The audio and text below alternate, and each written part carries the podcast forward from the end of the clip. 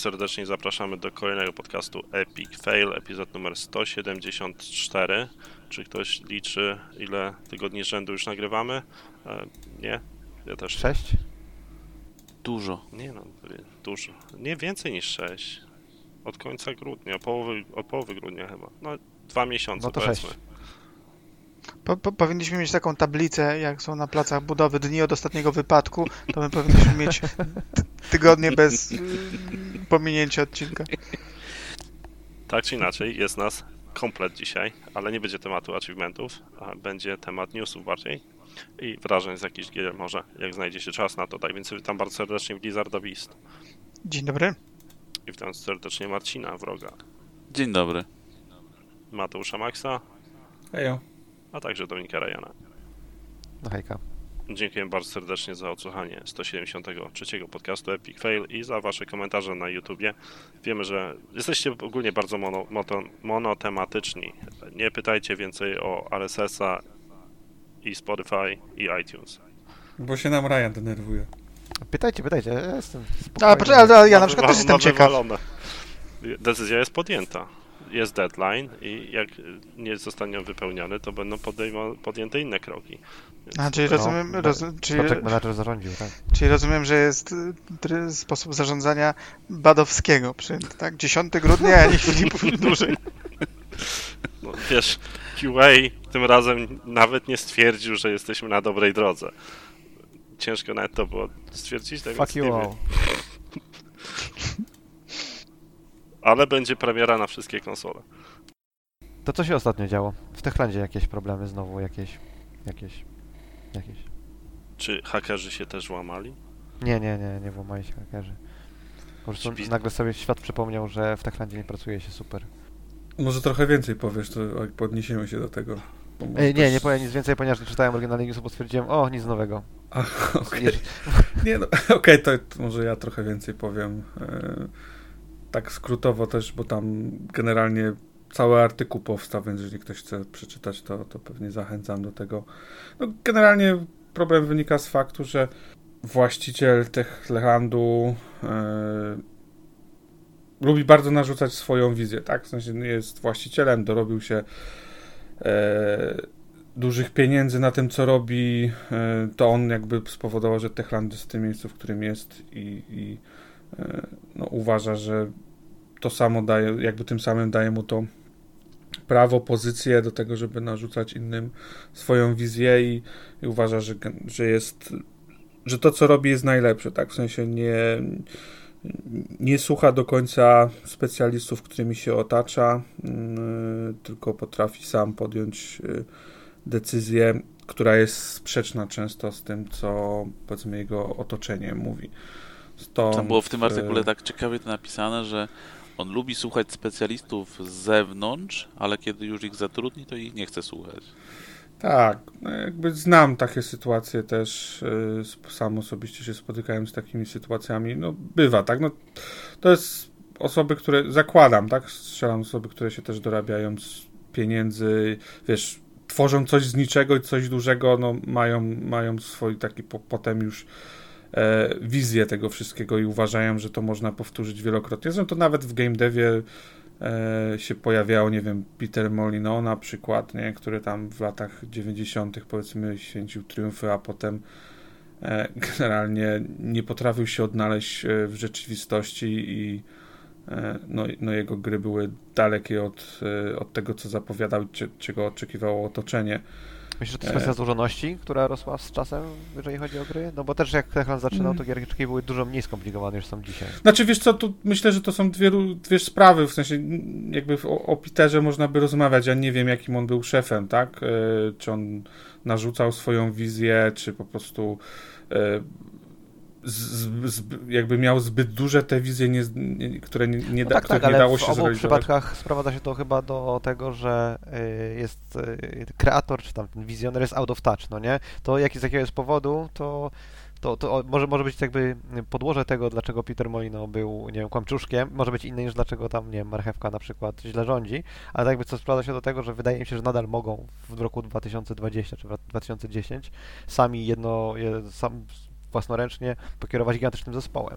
Tak, no na pewno coś w tym jest, bo jakby sam też na swoim, ze swojego doświadczenia jestem w stanie powiedzieć, że yy, skalowanie jest trudne zespołu, skalowanie produktu jest bardzo trudne w momencie, w którym zwiększa się scope projektu, zwiększa się budżet, zwiększa się zespół. Ciężko ciężko to jest ogarnąć, tak? Jakby w kwestię y, rozdysponowania wszystkich dyspozycji, tym, kim, kto ma się czym zajmować, za co ma odpowiadać, jakby cały czas się jest w takim przekonaniu, że samemu się wie lepiej. Chyba zakładam, że większość osób gdzieś y, z tym się spotkała, przynajmniej osoby, które są przynajmniej częściowo samoświadome, e, to, to potrafią u, siebie... Z... Jaki pojazd w ogóle po większości managementu? Ale to jest, ja jestem w menadżmencie i jakby wiem, że z tym bywa często ja, problem. Ja tak? wiem, ja wiem, tylko sam chodzi sobą... o to, że jasne mi chodzi o to, że po prostu bardzo często sobie myślimy, e, że o, ten koleś nie wie, że tam wyżej stronisz dupę ma, bo nie jest samoświadomy, nie? No, no ale taka jest prawda. No, to jest coś, wiesz, to, to, to jest coś, co może odróżniać y, osobę, która zarządza dobrą osobę od bardzo dobrej, albo po prostu przeciętnej od, od bardzo dobrej. Tak? Stwierdzenie, w którym momencie czegoś nie wiem, którym momencie, y, wiesz, mam się zdać na, na, na opinię kogoś innego i myślę, że w pewnym momencie chyba bycie osobą zarządzającą e, sprowadza się do tego i, i jakby po tym można stwierdzić, że jesteś dobry w tym, co robisz, że otaczasz się dobrymi ludźmi. i ich słuchać, tak? Że umiesz no tak, tylko to jest jakby drugi, drugi aspekt tego. No nie? Jedna rzecz to mieć umiejętność powiedzenia, ok, dobra, yy, odsuwam się na chwilę, oddaję tę robotę tam, nie wiem, Krzysiowi, Adasiowi, komukolwiek, no nie? Ale drugi tak jakby aspekt tego to jest, że ci ludzie, którzy ciebie otaczają, musisz y, być w stanie im zaufać. A z tym jest też bardzo często problem, yy, nie? Że jedna, ja... jedna sprawa to, czy jesteś świadom tego, czy coś potrafisz, a druga to, czy ufasz ludziom, że będą w stanie to pociągnąć do Ale oczywiście to, to jest coś, co, wiesz, to nie jest tak, że ktoś ci przychodzi i mówi, panie, ja panu tutaj zrobię tak, że po prostu ta gra będzie cudowna i proszę się nie martwić. Czasem tak jest. Da, tak, jasne, tylko y, jak najbardziej w tym wszystkim musi być y, zrozumienie, musi być zaufanie, y, musi być doświadczenie w tym wszystkim. I nie wiem, wracając trochę do Techlandu, ja zakładam, że tam te rzeczy były, bo to, to chyba nie jest tak, że wiesz, tam odchodzą ludzie, którzy się wczoraj zatrudnili i nie wiem, na przykład nie mogą się dogadać z zarządem, e, czy dokładnie z tą jedną osobą. Tam odchodzą osoby, które były długo z firmą, które spowodowały też, tak, bo to nie tylko ta jedna osoba spowodowała, że Techland jest w tym miejscu, w którym jest, ale generalnie, tak, to jest szereg osób e, i, i jeżeli na przykład one odchodzą, no to już jest problem. E, bo, bo jeżeli wiesz, zakładam, że to, to zrozumienie, doświadczenie i, i e, pewność kogoś powinny przyjść już w, w tym momencie. Jakby o, właściciel powinien też umieć zdecydować, ok, z nimi doszedłem do tego miejsca, też powinienem im zaufać, są specjalistami. Wiesz, wydaje mi się, że tutaj troszeczkę sytuacja jest bardziej skomplikowana, bo wieść gmin naniesie, e, Jak że, życie, że w no. no nie, ale wieść gmin naniesie, że w Techlandzie było troszeczkę takie um, E, tak powiedzieć, zarządzanie plemienne, to znaczy był sobie oczywiście tam szef, no nie, ale było, było właśnie ten taki core team, powiedzmy, który z nim zaczynał od samego początku, od tam pierwszego Chroma, czy cokolwiek tam było pierwszym produktem, już nie pamiętam, e, Techlandu, chyba Chrome. E, I oni, e, powiedzmy, ta mała grupa ludzi sobie ufała i wspięcie się na jakieś e, stanowisko kierownicze chociażby, czy tam średniego czy wyższego szczebla w Techlandzie było, było niemalże niemożliwe, jeżeli nie należałeś do tego tam wewnętrznego kręgu. No nie, to też jest taki dosyć standardowy, bym powiedział, problem małych firm, które rosną i problem skalowania, że nawet jeżeli sobie znajdziesz tych pięciu kolesi, którym ufasz, to, to, to tak jakby na tym się kończy ten krąg wspólnie ufających sobie osób. I e, więc, więc tam było coś takiego, że te, te obowiązki były oddelegowywane. Byli ludzie, który, był, był człowiek, który tam e, odpowiadał za e, gameplay, za cały, cały, cały kod silnika i za gameplay z poszczególnych gierek. Był ktoś, który odpowiadał za content pipeline, ktoś, który odpowiadał za renderer, który odpowiadał za to, za, za tamto, no nie? I oni tam byli niemalże od zawsze, ale tak, część z nich też odeszła, więc, e, więc e, Well. Ciężko mi powiedzieć, wiesz co, ja spotkałem i, i trochę spędziłem czasu z dwoma osobami te, z Techlandu. Yy, yy, nie wiem, generalnie ciężko z nim powiedzieć. Wiadomo, to jest, to jest kwestia skomplikowana, złożona. E, w tym wszystkim głównie wszystko się jakby sprowadza do, do, do szefa, przynajmniej jakby zgodnie z artykułem i że to przez niego ludzie rezygnują. Prawda jest taka, że no, e, e, często ryba psuje się od, od głowy, no i, i Jup, jup. Znaczy ja mówiłem, nawet pierwszy odcinek po powrocie, jak mieliśmy to i z jakiegoś powodu, nie pamiętam, że rozmawialiśmy wtedy o Techlandzie, pewnie nabijaliśmy się z tego, że nie wyjdzie, e, że, że czek- poczekamy rok na kolejną grę. W każdym razie wspomniałem o tym, że słyszałem taką historię sprzed tam lat, że przychodzi do designera właśnie szef i mówi e, tutaj na serwetce napisałem, jak mają jeździć samochody, bo jeżdżą chujowo, ma to być zrobione albo wypierdalać. Mm. Tam też, E. tam wiesz co też chodziło, z, na przykład w tym artykule, bo mówię, to, to jest temat, jak nie mamy tego rozbitego, jakieś konkretne mm, podpunkty, to, to ciężko tak generalizować, ale tam na przykład była kwestia feedbackowania z jego strony e, ludzi, nie? Jeżeli on e, po, mu podchodzi i mówi, że to jest chujowe i to kończy się, jakby to jest, to jest cały feedback, który ktoś dostaje, tak? No nie, no wiesz, ge- generalnie od specjalistów, od osób zarządzających wymaga się więcej. Jakby zdecydowanie możesz powiedzieć, że coś ci się nie podoba, bo też jesteś osobą decyzyjną. Nie wiem, w jego wypadku on wykłada na to pieniądze. Jakby jego y, mogą realizować jego wizję. Tylko kwestia też i w jaki sposób to komunikujesz, nie? Jeżeli powiesz, okej, nie wiem, ta postać ma być, y, tu proszę, jak wolałbym, żeby włosy były dłuższe, krótsze, takie, bo, bo z tego i powodu, z takiego powodu, nie wiem, żeby ubrana była w to i w to, to mi się w niej nie podoba. Mam wrażenie, że ta, y, że powiedzmy, nie wiem, ten model jest taki, siaki i owaki, nie? No, wszystko się, to, to są detale, tak, które po- powodują, że z kimś może ci się ciężko pracować, albo zajebiście. No ale silver lining w tym wszystkim jest taki, że e, na tych Exodusach z Techlandu powstało sporo innych e, firm, no nie? E, CD Projekt e, wrocławski, który kie- kiedyś się nazywał Strange New Things bodajże, e, o, oni, to, to tam częściowo był właśnie też skład z Techlandu, e, masz, nie wiem, tam The Dust, masz e, Creepy Jar, masz teraz tam Pixel Ant, no nie? Także jest e, trochę firm na, Mhm. na Techlandzie wyrosło i, i to jest, Tak, to no. jest ten, to jest Wiesz co, bo to jest coś, co, co też chyba często szefo, szefostwo po- potrafi nie docenić, albo z, z czasem gdzieś to umyka im, e, przynajmniej z mojego doświadczenia. E, nomen omen to właśnie chodzi o doświadczenie, to znaczy e, to jest jeden z najcenniejszych rzeczy, które ktoś może mieć, wnieść do firmy albo po prostu posiadać i zwolnienie doświadczonej osoby to jest ogromny cios. To, to nie jest wiesz, podejście na zasadzie, że możesz kogoś zastąpić wiesz, skończoną ilością e, staż, stażystów czy studentów, to jest bzdura totalna. Jakby takie coś może ci rozpierdolić totalnie projekt. Jeżeli masz osobę jedną ogarniającą, sam tutaj przed, przed spotkaniem mówiłeś, że, że kwestia jak, jak, jak może jak sam odczuwasz na przykład brak jakiejś osoby konkretnej, która była specjalistą, ogarniała pewne, pewne rzeczy i robiła to też dużo na poziomie doświadczenia, tak? E, Jak to. No, jak szczególnie to w dużych to organizacjach to też bardzo duże znaczenie ma takie, że tam masz e, takie e, tak by Zaznajomienie się z Bardzo- samą bardzo- organizacją. no właśnie tak, jeżeli ludzie cię rozpoznają, to chcą z tobą pracować. Jeżeli cię, ciebie nie rozpoznają, to raczej są do ciebie jak do jeża, no nie? Są Mhm. oczywiście firmy, w których nazwijmy to, nie wiem, kultura korporacyjna czy kultura firmowa jest taka, że ten problem jest mniej widoczny, ale są miejsca, w których ten problem jest bardziej widoczny. No w grach generalnie to raczej korporacje nie robią gier. E, Przynajmniej w, tutaj w naszej hemisferze bym powiedział. Nie wiem jak jest w Japonii. Jak. Nie wiem jak jest powiedzmy w, w japońskim game devie, ale powiedziałbym, że tutaj w, w Polsce i pe, strzelam trochę, ale zakładam też jakiś tam y, tego, co, co, co można przeczytać, że, że w Stanach też to, to nie jest korporacja. Jakby dużo właśnie jest na poziomie, dużo się odbywa na poziomie. e, No właśnie zastanawiam się, czy tak jest, no bo sporo firm, które, tam sporo studiów deweloperskich jednak jest pod egidą tam, wiesz, jakiejś dużej korporacji. E, No powiedzmy Google pomijmy w tym momencie, bo już nie, ale tam Amazon jakieś studia ma, no nie, Microsoft ma studia, Sony jest też dużą korporacją i wydaje mi się, że to jest, trosz, to można tak jakby na powierzchni się wydawać, że e, te relacje między ludźmi w pracy nie są korporacyjne, no bo fajnie chodzisz w t-shircie i krótkich spodenkach, no nie, a nie pod krawatem, albo nie wiem, macie, macie śmieszne stołeczki w kantynie i yy, nie wiem, eventy organizowane są, gdzie strzelacie tam, nie wiem, z nerfgunów, ale mimo wszystko nadal jest to korporacja, no nie?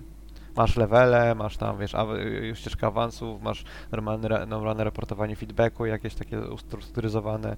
To, to nadal, nadal jest korporacja, mi się wydaje, nie? Może nie w Polsce, bo nie mamy tej skali firm, co nie wiem, co Ubisoft, czy co Microsoft, czy, czy Sony. Nie wiem, no ciężko jest mi powiedzieć, wiesz, co w tym w ogóle wypadku rozumiemy przez pod pojęciem korporacji, nie? W czym to się, się miałoby objawiać. Sztywna struktura i jakieś... Yy, yy, I tyle chyba. Tak, ja bym tak to rozumiał. A wy może coś chcecie dodać na temat Techlandu? Kiedy wyjdzie Dying Light 2? Jak będzie gotowy? Ale będzie gotowe w tym roku? Czy pandemia, COVID, czy pewno marchewka? nie. Nie mam bladego pojęcia. Tak, plotka, plotka jest taka, że tak jakby gra jest gotowa od strony tej mechanicznej powiedzmy, ale nie jest gotowa od strony kontentu. Taka jest ploteczka. No to smuteczek. Zobaczymy. Mam nadzieję, że gra się nie, nie zestarzeje jakoś, jak wyjdzie w końcu w tym 2025. A jakoś tą jedynką byłem w miarę podjarany na początku, jak, jak wyszła i się świetnie bawiłem.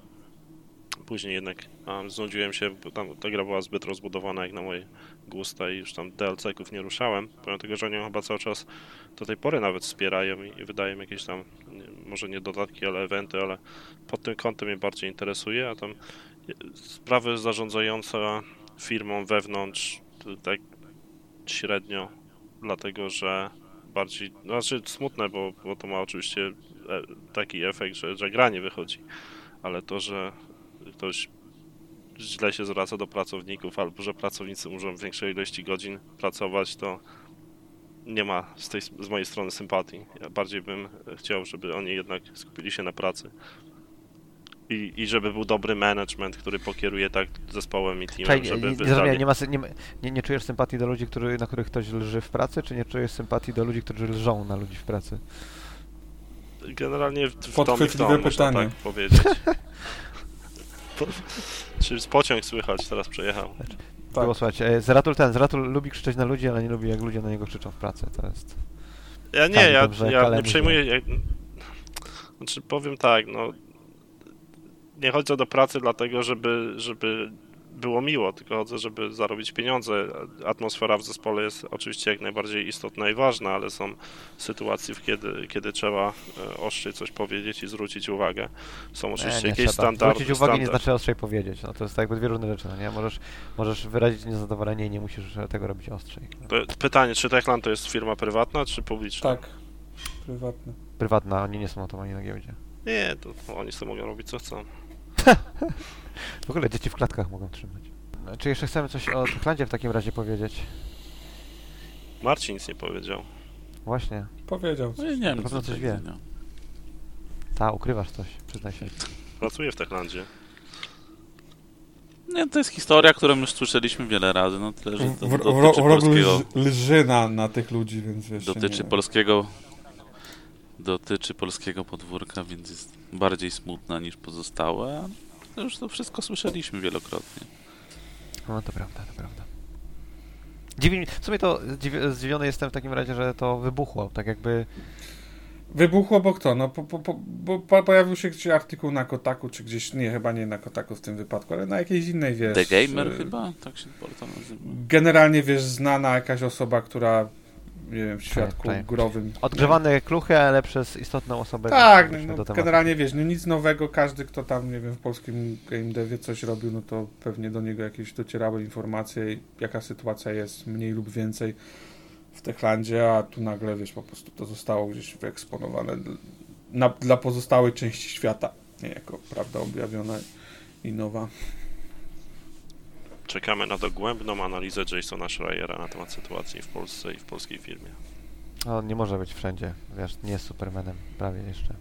Całkiem. Wygląda jak Superman. Bo okulary i ten opadająca Bardzo, ni- książka. bardzo niskie to jest zera, to już, to już nie wiem, przyczepiać się do wyglądu kogoś, nawet jeśli kogoś nie lubi. Ej, Superman wyglądał zajebiście, nie wiem, jak No można potraktować jego Nie. przyczepianie się. Ale nie, no ale A, czyli twoim zdaniem, a ładnie, czyli twoim zdaniem Jason Schreier jest brzydki i powiedzenie, że wygląda jak Superman było sarkazmem z jego strony. Pięknie, Max, to mówi, mam bardzo dużo o tobie. No, wiesz co, no to jakby ktoś o mnie powiedział, że wyglądam jak Superman, no błagam. Ja nie wiem, jak wygląda Jason Schreier, jeśli mam być szczery, więc whatevs. Jak Superman, jak, jak Henry A, Cavill. I od razu wiem jak, i od razu wiem jak. Um, Okej, czy, czy, czy, czy, czy to, o- to o czym teraz? E, tam było coś, co pamiętam. A, wiem, VR-y. O VR-ach się e, na PlayStation jarał e, nasz project manager Zeratul. No, ja jestem zainteresowany potencjalnie. Mam tą pierwszą edycję tego VR-a, a głównie za sprawą tego, że chciałem spróbować. Może no- wy, wyjaśnij, na czym polega nowość VR-a, bo ja nie kliknąłem w nich, bo mnie VR w ogóle. Znaczy, na czym polega to, co oni chcą zrobić w tej nowej generacji Mhm. VR-owej na PlayStation 5? Mhm. Nie wiem. Nie wiem. No, wiem, że za... Napisali, że będzie innowacyjne kurwa jarasz? i tyle. I że będzie w sumie z tego Że całego będzie, artykułu. będzie to- Będzie, Wow. będzie zanim wyjdzie Dying Light 2, ale mówię, no pod tym kątem, że, że planują kontynuację technologii, a nie poddali się tak jak z technologią 3D. Ja jako posiadacz tego właśnie pierwotnego headseta na, na PlayStation e, i pozytywnie byłem zaskoczony jego umiejętnościami, zdolnościami i, i tym, co pokazuje, a tak więc się nawet pobawiłem trochę. Od czasu do O, czym, czasu o włączę. co ci chodzi, jak powiedziałeś, że nie poddali się tak jak z technologią 3D? No, że będzie druga część, a nie zaprzestali produkcji. Ale jakie 3D? Kinek, Kinek też miał dwie iteracje, także wiesz. A, to może.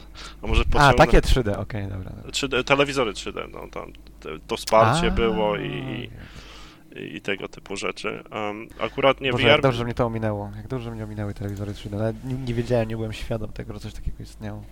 Ja, Mia, nie, miałeś bo- 3DS-a, co ty za pierdoły wygadujesz? No to kurwa nie jest telewizor, nie? No dobrze, no ale to chyba mm, ta sama technologia, więc No No nie, akurat no, nie. W przypadku 3DS-a, potrzebował. no ale... Ale A efekt i o tym podobny. nowym VR-ze w sumie wiemy tyle, że będzie dalej na kablu. Tyle się dowiedzieliśmy. no tego to chyba nikt nie by się nie spodziewał inaczej. No, nie wiem, przynajmniej ja bym się nie spodziewał. W dobie Oculus Questa, to nie wiem, czy akurat... No tak, ale to by oznaczało, że mają nową konsolę de facto, nie? Tak by No. ef- efektywnie to by oznaczało następne urządzenia, a tak masz po prostu gadżet do urządzenia, które już sprzedajesz. E, Jeżeli udaje się ko- komuś je kupić w sklepie oczywiście, nie? Kto nie jest poacherem. Czy ja jestem zadowolony z tego, co ta pierwsza edycja pokazała. Nigdy nie mogłem sobie pozwolić na, na wersję PC-ową VR-ów, dlatego że nie miałem sprzętu, który by był w stanie wyciągnąć jakieś soki z, te, z tego VR-a.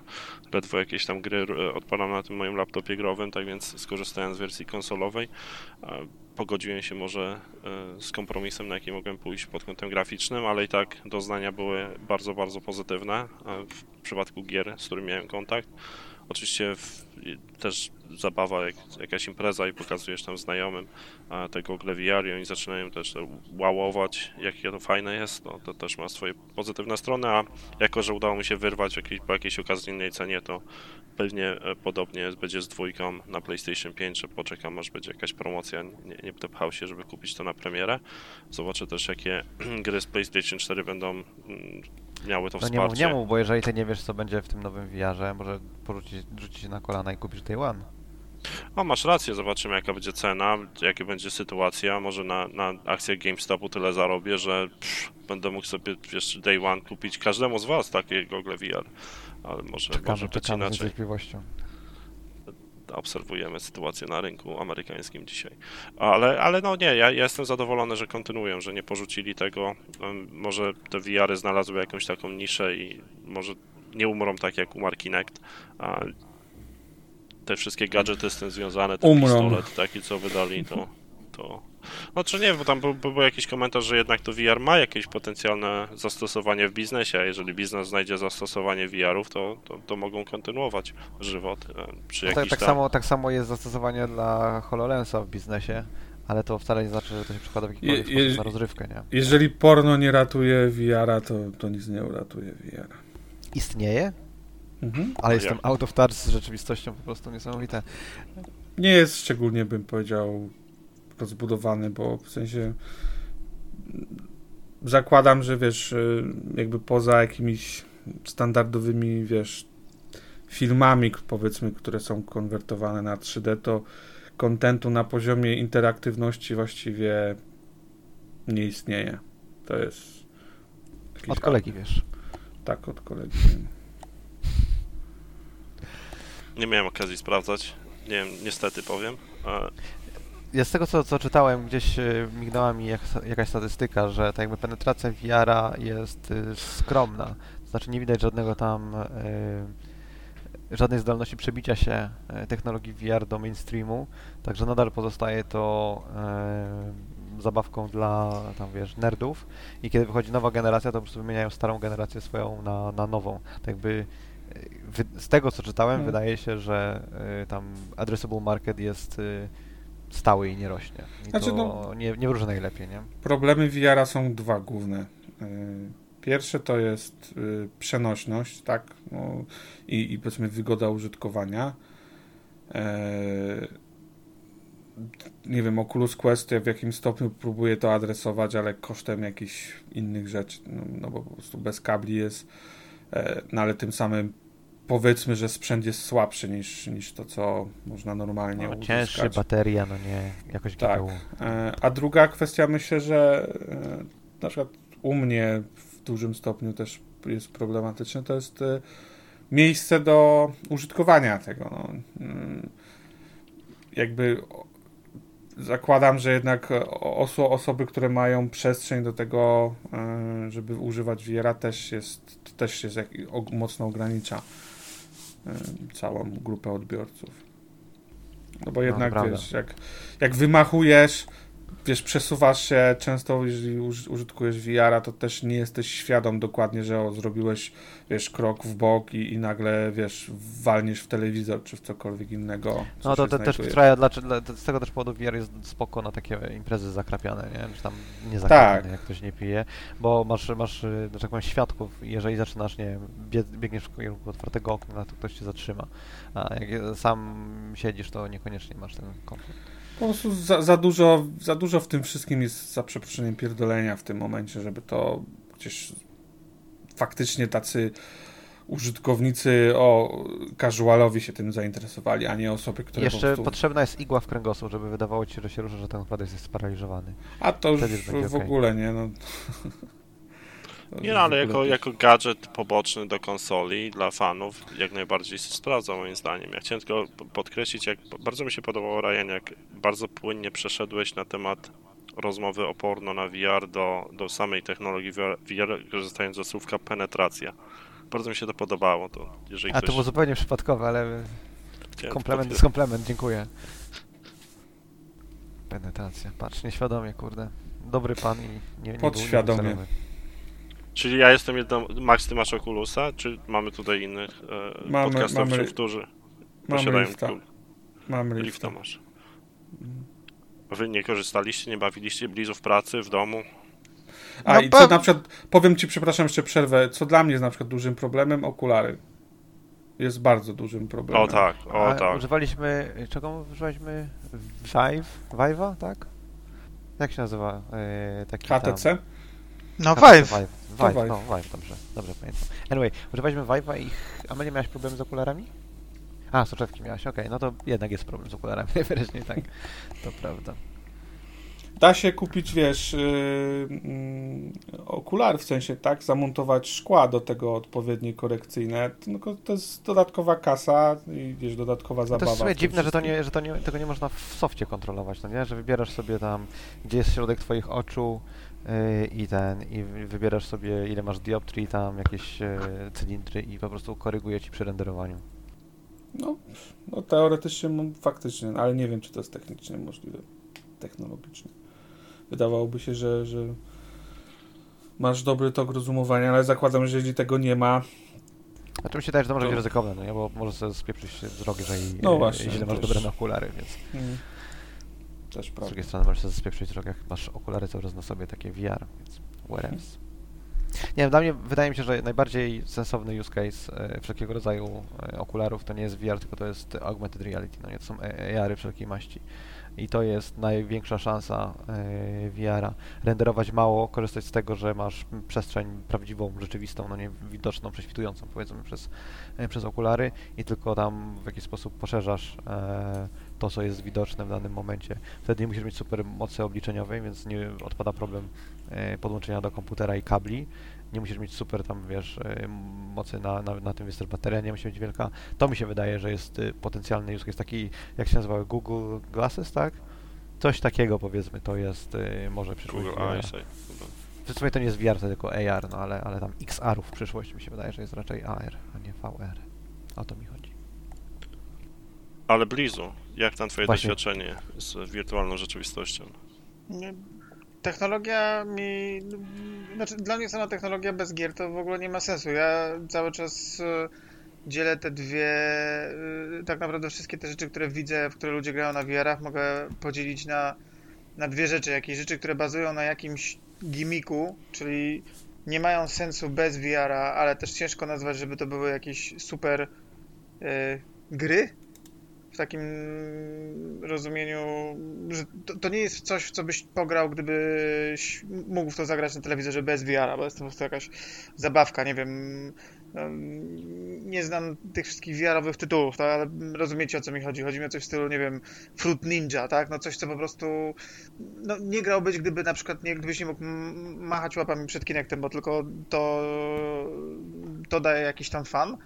I te rzeczy mnie na ogół średnio interesują, bo to nie są gry, w które ja grywam.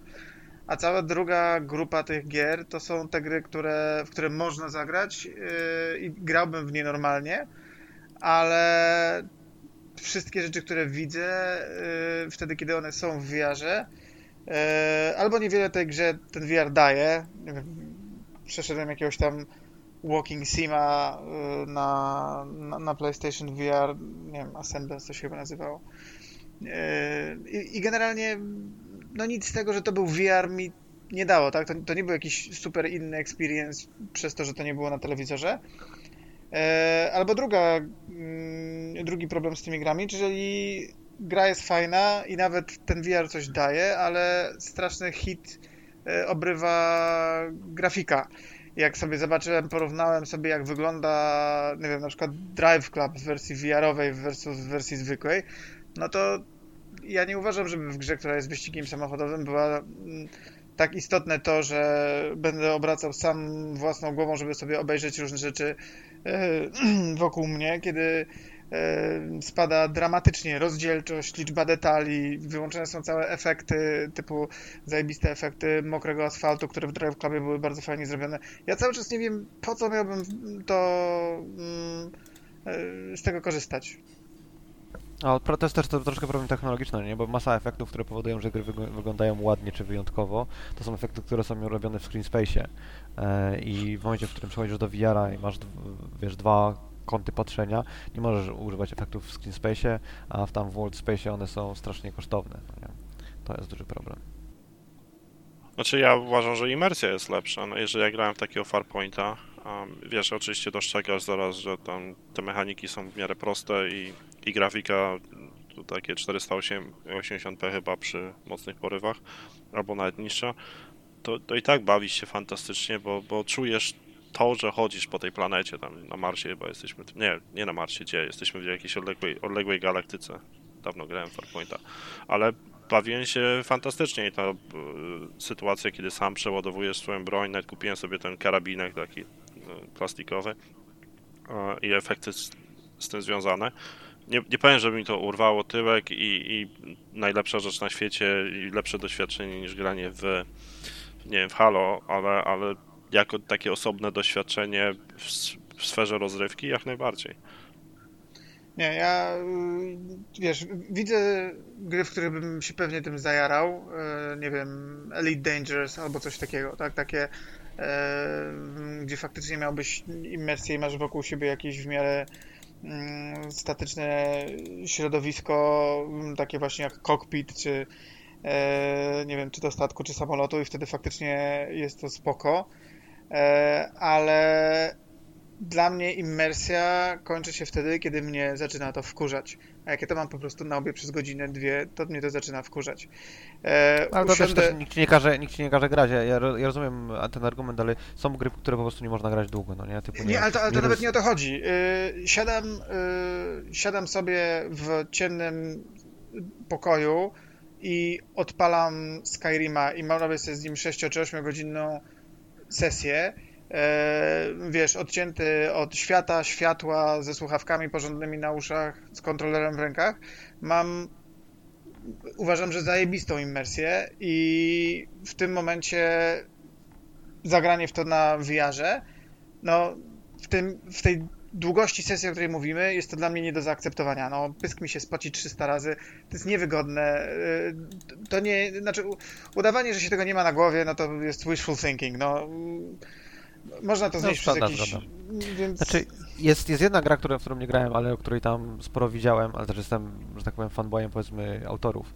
To jest gra, która się nazywa y, I Expect You to Die, jeżeli dobrze pamiętam. Nie wiem, czy ktoś z Was grał. E, to jest wiarowa gierka, w której właśnie, tak jak mówisz, tam siedzisz w kokpicie, tylko że nie siedzisz w kokpicie, tylko jesteś w małym pomieszczeniu, na przykład siedzisz w samochodzie albo siedzisz przy biurku i premis tej gry jest taki, że e, dookoła ciebie są rzeczy, które mogą ci pozwolić się stąd uwolnić, ale większość rzeczy, które są dookoła ciebie są dla ciebie mordercze. I na przykład jak siedzisz tam w samochodzie i nie wiem, wyjmiesz yy, ten, za, tam zapalniczkę, podgrzejesz na niej ją wyjmiesz i ją przyłożysz do jakiegoś miejsca, może się okazać, że tam w tym miejscu był na przykład ląd od, e, od tego dynamitu i wybuchniesz. Ale możesz, mogłeś wcześniej tam sięgnąć, powiedzmy, pod, yy, pod siedzenie pasażera i zauważyć, że tam jest dynamit i po prostu go nie odpalić, no nie? Także jest dużo takich, to jest taki, vibe jest troszeczkę taki jak James Bond, no nie? Jest dużo absurdalnych rzeczy, które się robią, że tam pociągniesz za, siedzisz przy biurku i pociągniesz za, nie wiem, długopis i się otworzy jakaś ukryta skrytka, no nie? Jakby sesja, którą odbywasz z grą jest tam kilkanaście do kilkudziesięciu minut, więc nie masz czasu się zmęczyć. E, tak jakby ten element e, macania bezpośredniego otoczenia wokół ciebie jest jak najbardziej pasuje do VR-a, nie ma problemu przemieszczania się, no nie, bo, nie, bo to jest duży też problem, problem VR-a. No i złożoność powiedzmy obszaru, który jest renderowany nie jest tak wysoka, żebyś, żeby nie dało się tego wyrenderować w miarę, w miarę ok. Więc wydaje mi się, że na przykład tego typu, no nie, doświadczenia, tylko to są, to są, ty byś pewnie powiedział, że to są gimmick game, nie? Że w zasadzie gdybyś w to nie zagrał, to twoje życie by się nie zmieniło. Może tak, ale może byłoby to naprawdę fajne tam godzinę czy dwie i e, spędzone z, z i stwierdziłbyś, kurde, to jest coś, co warto e, przycierać w VR-ze, bo to pokazuje, że VR ma moc, tylko po prostu mało, mało kto jest w stanie to na razie dobrze wykorzystać. Jedyna rzecz, która mi yy, tak naprawdę przemawiała do mnie, jeśli ktoś, yy, oczywiście znam tylko z opisów, nie miałem okazji zagrać w to samemu, to była VR-owa wersja y, Keep Talking and Nobody Explodes. I wydaje mi się, że to byłoby absolutnie zajebiste, ponieważ to jest przykład gry, w której wyłączenie VR-a faktycznie rozwala cały experience, ale znowu, to jest gra towarzyska, tak? Wpadają znajomi, możemy sobie zagrać w to. E, zasada jest, e, nie wiem, czy, czy słuchacze, czy wy wiecie, czy słuchacze wiedzą. E, ja wiem, to jest ta gra, w której jedna osoba tłumaczy, jak rozbroić bombę, bo ma instrukcję, a druga osoba tak. rozbraja bombę na podstawie instrukcji. Tak, tak i, i ta grupa, która ta grupa, która ją ma instrukcję, to jest instrukcja fizyczna, wydrukowana na papierze, można sobie wyciągnąć, ściągnąć z internetu, natomiast ta osoba, która ma ten hełm na głowie, no, ma tą bombę w rękach, ta bomba jest losowo generowana, w związku z czym powiedzmy w zależności zależności od tego, e, co widzisz i jakie ona ma tam komponenty, no to komunikujesz się z, z tym drugim graczem, żeby on ci powiedział, co zrobić, tak? Czyli na zasadzie, jeśli twoja e, bomba ma zegar analogowy, a z prawej strony wystają trzy druciki, to odwróć tą bombę i zobacz, czy tam nie ma na dole y, pod jakąś klapką czegoś, bo jeśli tak, to coś innego, a jeśli nie, to coś innego, tak? I, i to jest koncept zajebisty, ponieważ wyłączenie tego VR-a powoduje, że można zagrać tą grę, ona jest na, nie wiem, na, na Xboxa, y, rozumiem, że mogę wyrzucić kogoś do drugiego pokoju i połączyć się przez jakiegoś Whatsappa czy inny komunikator, czy kupić krótkofalówkę w markecie za 30 zł i, y, i w ten sposób się bawić, ale faktycznie tam to, co ten VR daje, to jest to, że jesteś odcięty od tego, co mm, jesteś w innej rzeczywistości niż osoby, w której jesteś mm, w tej samej przestrzeni. nikt nie może nic podejrzeć, nikt nie może nikomu nic e, oszukać w takim tytule. To wydaje mi się ciekawe. Ale no znowu, mówimy o czymś, co jest ekwiwalentem e, no, przygody z grą planszową, którą mogę kupić ciekawą i znajdę ciekawą za 200 zł i za 100 i za 50 i pogram sobie godzinę ze znajomymi. Y, natomiast no tutaj mówimy o czymś, co daje fanu zbliżoną ilość i kosztuje od cholery pieniędzy mimo wszystko. No tak, ale wiesz, y, tak by to jest to jest problem tego, jak drogi jest obecnie setup VR-owy, no nie? Ale podobny argument możesz powiedzieć, e, możemy się odnosić do, nie wiem, papierowych RPGów versus RPGów na, na komputerze. Po co mam inwestować w komputer, żeby zagrać w Wiedźmina, jak mogę zagrać w papierowego RPGa, w Dedeki albo, w, nie wiem, tam e, Dungeon Classics albo whatever. Także to jakby to taki, taki redukcjonizm nie jest ok, ale bo, bo, bo sprawdza się tylko do tego, że tak naprawdę VR jest po prostu drogi teraz, nie? Nie no, jest drogi, no ale też jest, y, no mówię, to nie jest tak, że jestem w stanie wymienić drugą oprócz tego Keep Talking and Nobody Explodes gra, o której słyszałem która w jakiś sposób by mnie e, ruszyła, no więc to ja mogę ten koszt uzasadniać, im łatwiej jest go jego jest tym łatwiej uzasadnić sobie w głowie, kiedy stoisz y, na, przed decyzją, czy dodać, czy nie dodać sobie VR do koszyka, im więcej jesteś w stanie po prostu z niego skorzystać. No, ja Albo uważam. tańszy jest, no nie można skorzystać po prostu tego, żeby stał się tańszy i tyle. Znaczy ja właśnie no My... kupiłem, na, jak był na obniżce, bo ja bym się nie zainteresował. Dla mnie na, na premierę on był za drogi wtedy, on chyba był po jakieś 500 dolarów. Jak, jak Sony obniżyło w jakieś tam Black Friday cenę chyba na 300, to powiedziałem, a teraz jest znośna, to mogę kupić. I, I rzeczywiście moje pierwsze wrażenie było jak najbardziej e, pozytywne. Później też spróbowałem i dużo, to, to, to co Bliss mówi, zależy od tego jak gra jest zaimplementowana, jakie mechaniki posiada, bo to na przykład właśnie jak zaimplementowała Bethesda Skyrima czy Duma, gdzie tam skaczesz tak naprawdę, a nie chodzisz, to średnio Grałbyś w Destiny w VR-ze?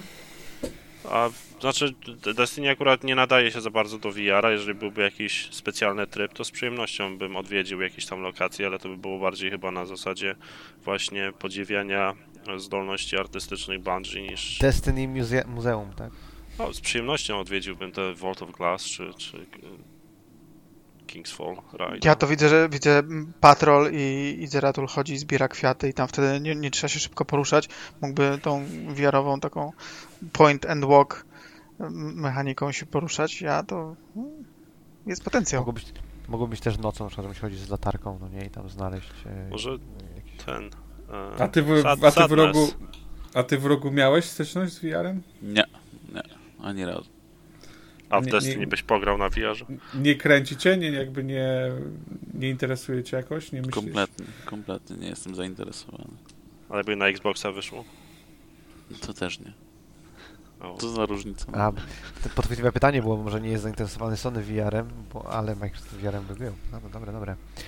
Znaczy jed, jedna gierka mi się to, to, to machanie tymi mieczami świetlnymi i rozwalanie klocków rytm muzyki. To fajnie Beat, wyglądało, Beat, Sa- ale Beat Saber. Tak, tak. no, chyba największy tak, tak, hicior tak. VR-owy, tak? Albo jeden z Myślę, większych. że tak. Tak, no to jest, to jest chyba gra, która sprzedaje VR, wiesz, jakby bardziej graczom takim zupełnie nie hardkorowym. Nie? Mm. Bo No, ale to też jest kwestia tego, że DDR na przykład nie, e, nie wychodzi od... Chyba ostatni jaki wyszedł to był na 360, taki e, domowy i wersja PC wyszła, która jest dostępna tylko w Japonii.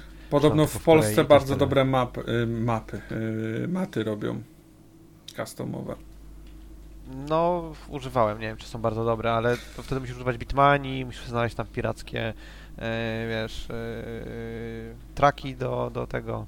To jest takie, takie sobie rozwiązanie.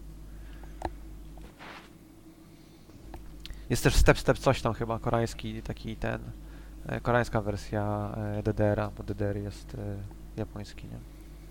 Ale nie pamiętam jak się nazywa, chyba Step Step coś. Um, Okej, a propos Sadness, ktoś wspomniał, Sadness jest ten, potwierdzam, Sadness jest jedną z postaci w nowej grze Bluebera w Mhm. Medium. Jest. Okej, to co dalej? Będzie, będzie serial Halo, cieszycie się? Serial Ja się już chyba cieszyłem, powstaje od paru lat. W sensie było wiadomo, że Showtime pracuje wcześniej i wcześniej już było wiadomo, że Showtime pracuje Pewnie Halo? nawet była, były zdjęcia z produkcji nawet. Uuu, przegapiłem też, patrz jaki jestem ten... Gen- Jedyne gen- generalnie Nowość to, że będzie premiera w przyszłym roku, tak? To chyba no, nowa informacja, tak? To, to już, już jakiś czas powstaje nawet. Aktorów znaliśmy, no to, to jest stare info. Ło, panie. No to opowiadajcie mi. Jesteście podekscytowani? Czekacie z, z zapartym tchem? Ka- Ka- Cavill gra Master Chiefa. Pierdzielisz. Nie, naprawdę. Pierdzielisz. Znaczy, z takich rzeczy, że on będzie wydany na tej nowej platformie do streamingu, ten Paramount Plus, która będzie mieć premierę chyba w przyszłym miesiącu. Bo teraz mamy za mało serwisów streamingowych, to więc Paramount też um, swój musi otworzyć. Zobaczymy, A oni nie otwierali wcześniej? To oni tam tego swojej Star Treka nie dawali? E, W, w Stanach i w Kanadzie to nie był na, na tym? Znaczy oni w, na Super Bowl była, e, były reklamy właśnie, że, że oni startują chyba w marcu i, i wtedy to te reklamy Bo wydawało mi się, Treku że że w Europie, powiedzmy poza Stanami Zjednoczonymi i Kanadą, e, ten, ten Star Trek Discovery był na Netflixie, a, a właśnie w Stanach i w Kanadzie był na ich platformie. Właśnie na, ale nie wiem. a może Z tego co patrzę, to Paramount Plus się nazywał wcześniej CBS All Access e, i on od marca 4 e, Okej, tego no roku to- będzie się to- nazywał Paramount Access. Okej, No to generalnie zmieniałem tylko nazwę. Chyba, że coś więcej zmieniałem, bo powiedzmy jeszcze HBO, ten. HBO Max to faktycznie się tam zmienia, nie? Bo ich ta obecnie ten HBO Go to, to jest jakiś e, śmiech na sali, bo nawet 4K nie jest w stanie, e, nie ma jakichś, wiesz, jakościowo bardzo, bardzo odbiega od innych e, ofert, ale nie wiem jak w przypadku Paramount. Ale ja teraz jestem podekscytowany, sprawdziłem obsadę i Pablo Schreiber gra Master Chiefa, a on bardzo, bardzo fajną postać w tym, w American Gods gra. Gra Tylko- Matt Sweeneya w, w American Gods. Tylko wiesz, że on i tak nie pokaże w ogóle, głos tylko będziesz miał. Chyba, że No. będzie przejdziesz odcinek na, na Legendary, to wtedy na końcu. Generalnie chyba? Master Chief nie pokazywał, e, poza tym jak był młody, to chyba nie pokazywali jego twarzy nigdzie, w żadnym... No tak, ale nad- nadal będzie, nadal czwórce będzie oczy ciałem, jeżeli będzie w, zobaczyliśmy, post- w tym. Skończyłeś na Legendary, to hełm zdejmował i oczy były pokazane. Oczy? Chyba oczy.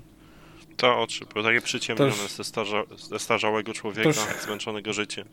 To już chyba Doomslayera jest ba- więcej widzimy jako postać. On się nie nazywa Doomslayer, tylko Doomguy. No okej, Tak twierdzi dobra. John Romero, więc tak, tak musi być. okej. Stary człowiek to trzeba się I może. szkolić. nie? Kto? John Romero? No nie? Nie no, nie wiedziałem, czy to się do niego odwołuje jeszcze do mnie, nie wiedziałem, czy się. Jak, do niego, to Nie, spoko. ty jeszcze młody jesteś. Ach, No, no, cztery dyszki, spoko.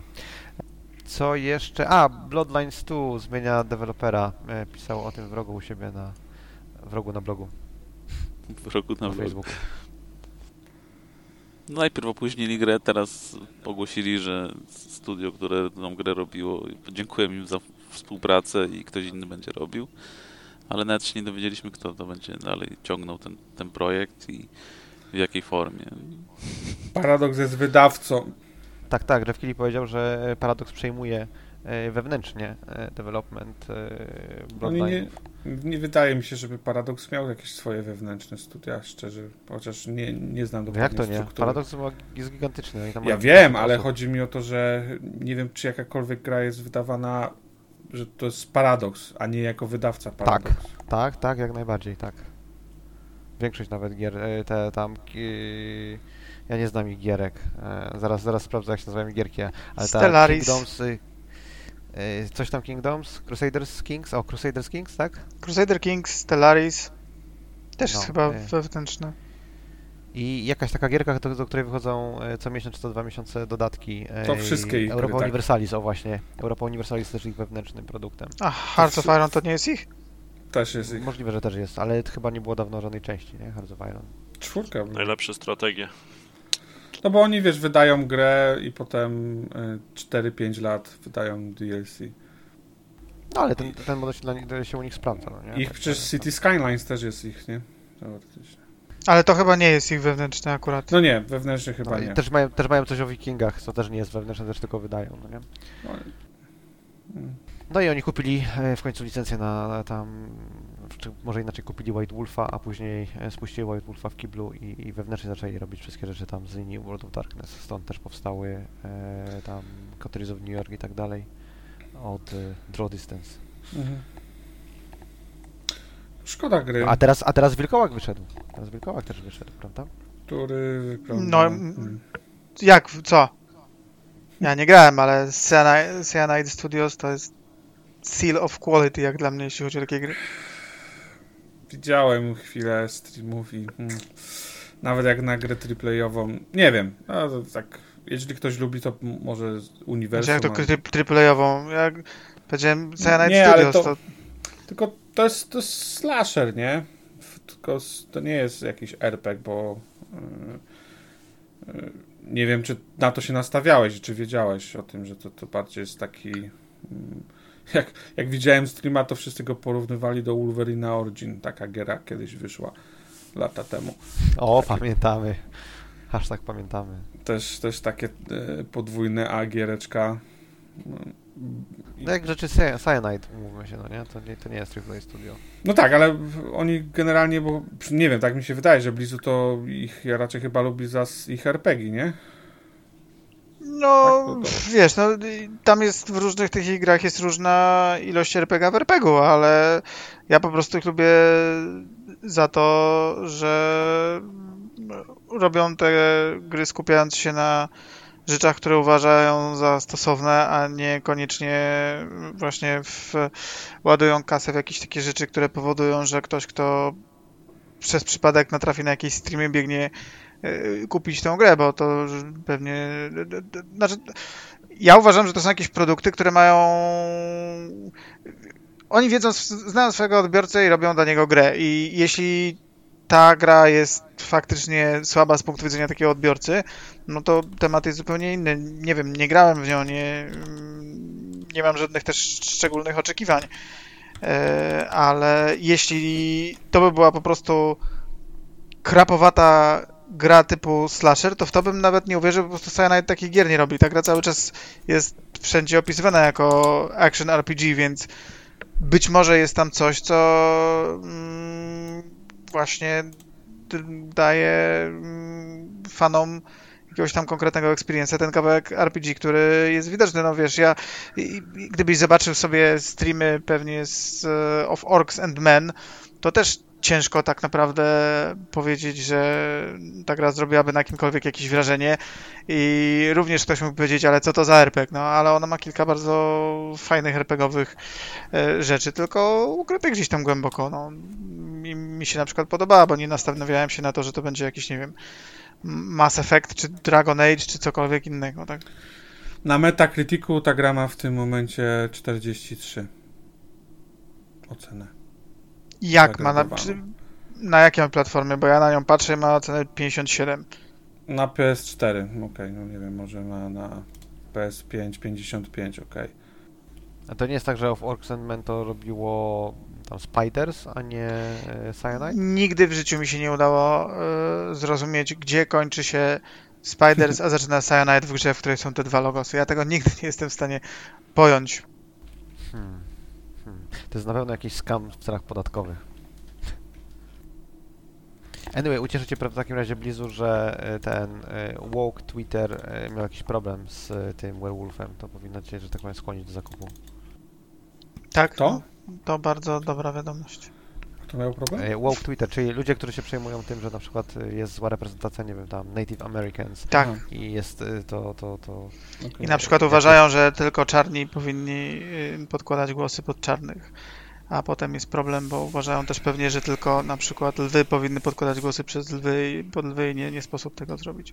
To są generalnie... Absurdalny, absurdalny argument. Ale, czy, ale, czyż, ale czyż nie jest bliski sercu tym osób, tych osób? No nie, bo ja zaliczam się do tego grona i uważam, że takie porównanie jest idiotyczne. Tak? Czyli uważasz, że dobrze, że jest y, y, na Disney Plusie y, ostrzeżenie w Arystokratach, że są straszne stereotypy. Nie mam bladego pojęcia, co to jest Disney. Znaczy wiem, co to jest Disney Plaza, nie, nie wiem, o czym w ogóle do mnie powiedziałeś teraz. Wokeness noob. się, wo- wokeness pojedynczych osób to jest zupełnie co innego niż pseudo-wokeness korporacji. Tak jakby jeżeli, jeżeli mówisz, że Disney, Disney jest bardzo woke i mają y, ten, takie ostrzeżenie, albo że nie wiem, tam EA jest bardzo woke, to tak naprawdę pff, serio? Co w to nie wierzysz? Jak to? Jeżeli ktoś y, jest w stanie wyrzucić y, jakieś y, 50 czy 70-letnie y, produkty kultury, bo y, razi jego obecną wrażliwość, to dla mnie jest kompletnym zjebem. To w ogóle bez dyskusji. To, to osoby, które wiesz, biorą widły i, Ale ziom, jest różnica, jest, jest gigantyczna różnica między braniem wideł i e, wiesz, tam nacieraniem na kogoś, a domaganiem się, żeby była tabliczka ej, twoje dzieci w tych czasach mogą e, troszeczkę inaczej odebrać to, że e, nie wiem, kruki mają, mówią z, a z tym, z jakimś tam nie wiem, czarnoskórym akcentem, a osoby, które są ewidentnie, nie wiem, tam Romami w bajce, e, to są tylko i wyłącznie złodzieje i oszuści. No tak rzeczy, które przechodziły były ok 40 lat temu czy 30 lat temu, no nie są ok dzisiaj i tabliczka informacyjna absolutnie, e, tak jakby obrażanie się na tabliczkę informacyjną jest idiotyczne, uważam. Na widły spoko, nie? Ale tabliczka, come on. Palenie y, masowe y, książek z Pippi Langstrom, y, ponieważ ma tatusia, który jest królem murzynów i zastępowanie jej nowej, nową wersją, gdzie nie jest już królem murzynów, uważam za po prostu zjebstwo i tyle. Nie no, palenie książek generalnie jest idiotyczne, tak? Są sposoby na, dobre sposoby na protest i złe sposoby na protest. A to nie, nie zmienia faktu, że tak jakby ludzie mają prawo do protestowania przeciwko tego typu zachowaniom. No. Tak, ale czemu na przykład uważasz, że z, zmiana książki jakiejś jest zła? Szczególnie, wiesz co, w bajce dla Jak dzieci... Jak autorka nie żyje, to jest trochę do dupy. Co? Ale czemu do dupy?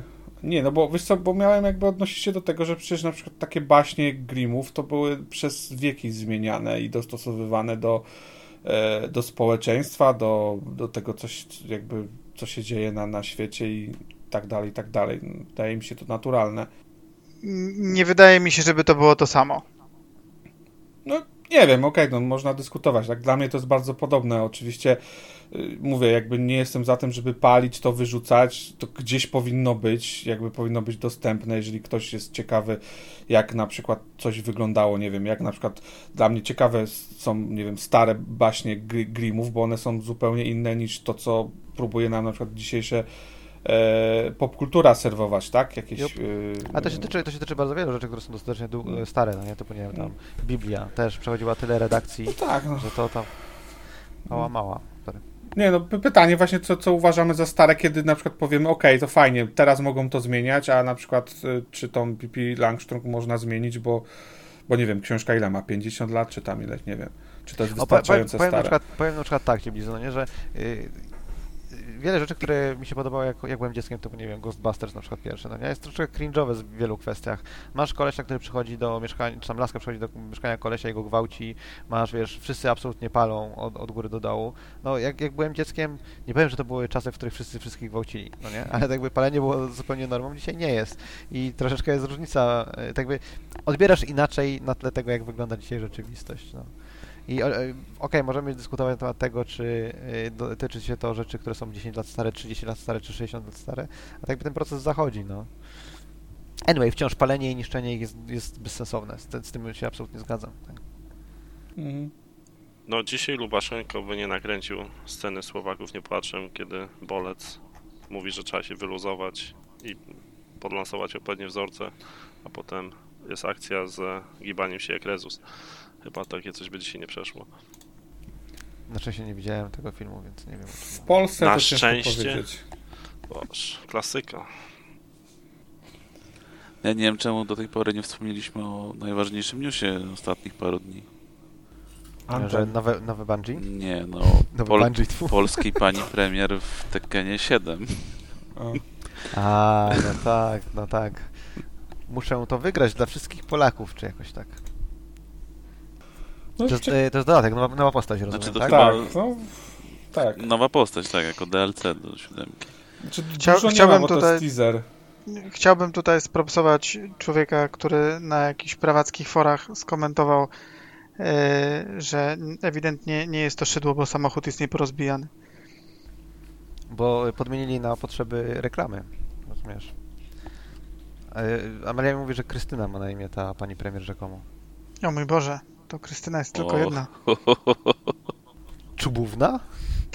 Nie. O fuck. No, to będzie straszne. Bardzo ciekawe i niespodziewane, no nie wiem. Czemu czy takie niespodziewane? Znaczy, nikt się tego nie spodziewał oczywiście, ale tak jakby jest to, mi się wydaje, logiczna kontynuacja, no nie? Namcock wydał przecież tego Trusty Bell, y, Chopin na martwym łóżku story e, mieli ten... No mieli dobra, no ale to jedna gra 10, 10 lat temu, nie?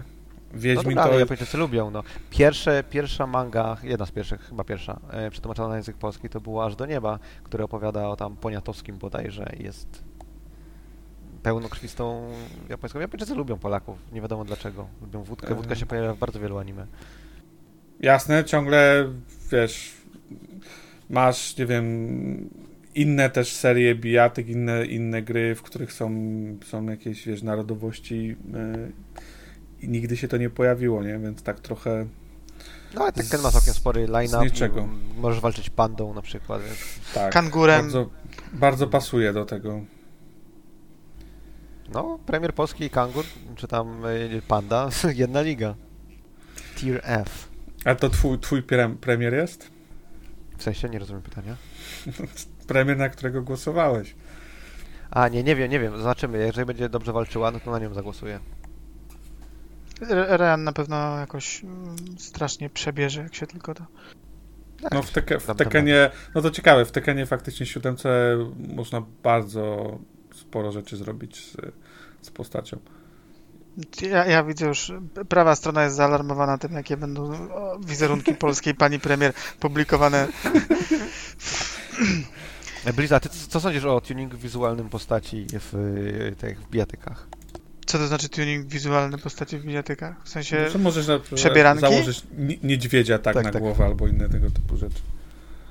Tak, tak, no bo nie lubisz tuningu wizualnego w hardkorowych symulacjach y, Wyścigowych. jazdy.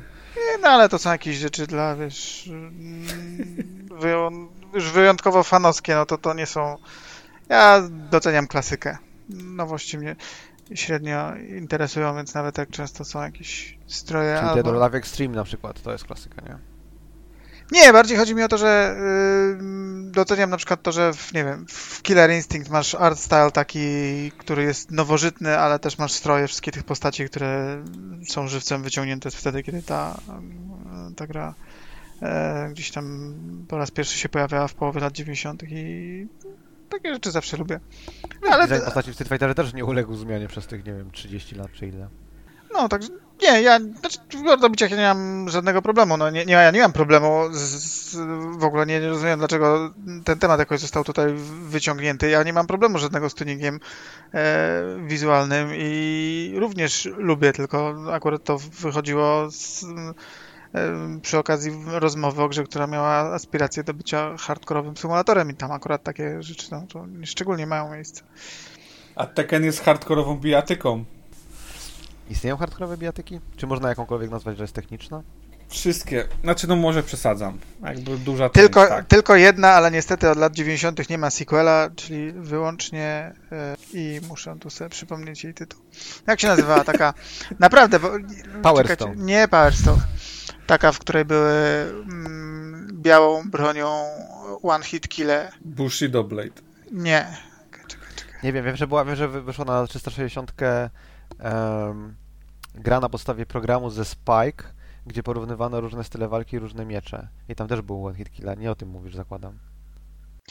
Nie, no to chyba Bushido Blade. Tak, tak. No to tak mi się wydaje. Bo to... Tak, Bushido Blade. Ale wiesz, że wyszła tego, taka gra teraz w tym momencie i nawet z Polski. Nazywa No. się. Ty mówisz o tym, co Kobold stworzył, co można tam szlachcicem yy, Tak. kończować pan. Że... O Boże, panie. To jest gra swoją drogą robiona przez kolesia, który yy, zajmuje się głównie mock-upem. On ma własne studio mock-upu, on sprzedaje też na tym, na yy, tam Unity Story, na Unreal Store. To się nazywa Hellish Quart. Tak, tak, tak. I Kobold, yy, jak, jak wpiszesz Kobold tam w Unity Przytła- Store na przykład, no, znajdziesz przytłaczająco- jego- znajdziesz jego animację. Przytłaczająco pozytywne oceny na Steamie. Oczywiście gra jest we wczesnym dostępie i, i, on. i w tym miesiącu wyszła. Co common? Do, no, okej, dobra. Jest, Co? y, Mój bias wychodzi, ale nie wydaje mi się. To, to, do czego zmierzałem, to jest to, że Kobold nie jest programistą, nie? Ale je... okej, dobra, tylko że ta gra, ja wiem, że ona, ja ją widziałem już z rok temu. Wiesz, przez ten rok może coś się zmieniło. No nie wiem, ma tysiąc ponad ocen na Steamie, przytłaczająco pozytywne. To zazwyczaj daje ci, wiesz. Oczywiście, to jest wczesna, wczesny dostęp, więc to. Ciężko powiedzieć mi, co, co w tej grze jest i co, co jest oceniane, ale to nie jest częste na Steamie, że tak gry tak takie oceny. ja- to jest mój bias, no nie jak widzę kontusz, to, to jestem sceptyczny, to z tego wynika. Więc może jest świetna, okej. No ale jakby wracając do Clue, to, to jest właściwie przeniesienie Bushido Blade y, Blizu na, na dzisiejsze standardy. I to nie jest tak, że tam tylko walczysz y, powiedzmy tu polską szlachtą, ale tam jest kilka co najmniej postaci. Zakładam, że będzie więcej o, y, z różnym typem broni. To jest takie Jeżeli się nie mylę, to, to jest ziomek, który też robi animację do gierki Chmielarza nowej. Nie pamiętam, jak ona się nazywa. Spellwitch, czy jakoś tak? Nie. Witchfire. Jakiś Witch. Witchfire, Witchfire. No. Rzuć mi nikiem, Max. Coś cicho ostatnio Spoko. w ogóle o tym Mhm. Witchfire'ze. Chyba się wreszcie wzięli co tam, jakąś poważniejszą robotę. Albo uświadomili sobie, że podhypowali gierkę, ale nie dorównuje temu, co podhypowano. Nie, tam, tam Chmielarz robił wrzucać na tym blogu ich, ich, ich studia, wpisy co jakiś czas, ale tam chyba, chyba dawał znać zresztą, że teraz się biorą tak już za główną chyba produkcję i dlatego będzie mniej, mniej, mniej pisania o wizji, a więcej będą się na robocie skupiać. Mhm. Nie ten, nie jestem jakimś turbofanem Chmielarza, ale jego blogi się czyta dobrze, trzeba przyznać. Tak, tak, tak. To, to ja zawsze właśnie lubię, jak coś wrzuca i opisuje, jak tam designują coś, i testują i ogólnie jak to wygląda od środka. Jop, jop. Dobra lektura zawsze. Fajny w ogóle, swoją drogą, fajną, fajny dump y, materiałów y, z gry, której Chmielarz, nie, na którą Chmielarz pracował, a nie została wydana. Nie pamiętam, jak się ona nazywała. y, Rzucił. Tam było mnóstwo naprawdę fajnych perełek, dużo ciekawych rzeczy do przejrzenia i do przeczytania. Jak się ta gra nazywała? To był jakiś taki tam noir, horror. em, A było chyba to dla THQ, co robili? Chyba tak? O. chyba tak, chyba tak, no, tak, no, tak. Coś tam było. Także jak, jak, poszukajcie, bo warto to przeczytać. E, co tam jeszcze? Valheim, Antema. 4 miliony. Antema A, a no to najważniejsze, tak, tak. I, No, i, ty, i ten, Panie, co tydzień się to, że- spotykamy i kolejny milion sprzedany, no. No, w sumie. E, Jeszcze ten, e, był news o tym, że Google ID i Bungie jakieś class action lawsuit czy coś takiego, tak? Że gry na Stadii miały być w 4K, a nie są w 4K i Stadii w sumie też już nie ma. A, Stadia jest, nie ma studiów, które gry robią dla Stadii. No tak, ale to umówmy się, że Stadia jest tak samo jak każda inna usługa Google'a na tym, na parę miesięcy przed tym, jak ją zamknął, więc... W sumie to współczuję ludziom, którzy zainwestowali w to, bo to jakby, pomijając już nawet to, co, co się sądzi na temat e, usługi grania w chmurze, no nie, to wierzenie w to, że Google tam e, nie dadzą sobie siana po paru miesiącach jest mocno, mocno naiwne. Nie, właśnie dlatego nie bardzo wiem, dlaczego ci szkoda osób, które powinny doskonale zdawać sobie z tego sprawę. No bo To- jestem chujem i no, trochę nie na własne czasami życzenie. No, No, podejmują. zakładam, wiesz, różnie to bywa. Nie, nie każdy, wiesz, jest tam, bo, bo zwolnił się, nie wiem, z Naughty Doga, czy tam z kogokolwiek indziej. O, będę robił teraz dla Stadii, wiesz, gry. Ale to mówimy o ludziach, którzy... Nie, mówimy o odbiorcach Mówimy indywidualnych, o raczej, nie odbiorcach, o deweloperach. no, do, deweloperzy, no okej, no. Jakby deweloperzy sobie raczej poradzą, nawet w, nawet w czasach covidowych e, wszędzie zatrudniają, więc whatever. Chociaż śmieszą mnie e, ogłoszenia w niek- niektórych firm w Stanach, że istnieje możliwość pracy zdalnej, ale kiedy skończy się COVID, trzeba koniecznie pracować na miejscu, czyli da się pracować zdalnie, ale nie da się pracować zdalnie. Nie? To jest takie. Jest to, jest to fizycznie wykonalne. Właśnie, a jak wam się pracuje zdalnie, jeżeli pracujecie z jakimiś zespołami? To zależy. Tak w ogólności.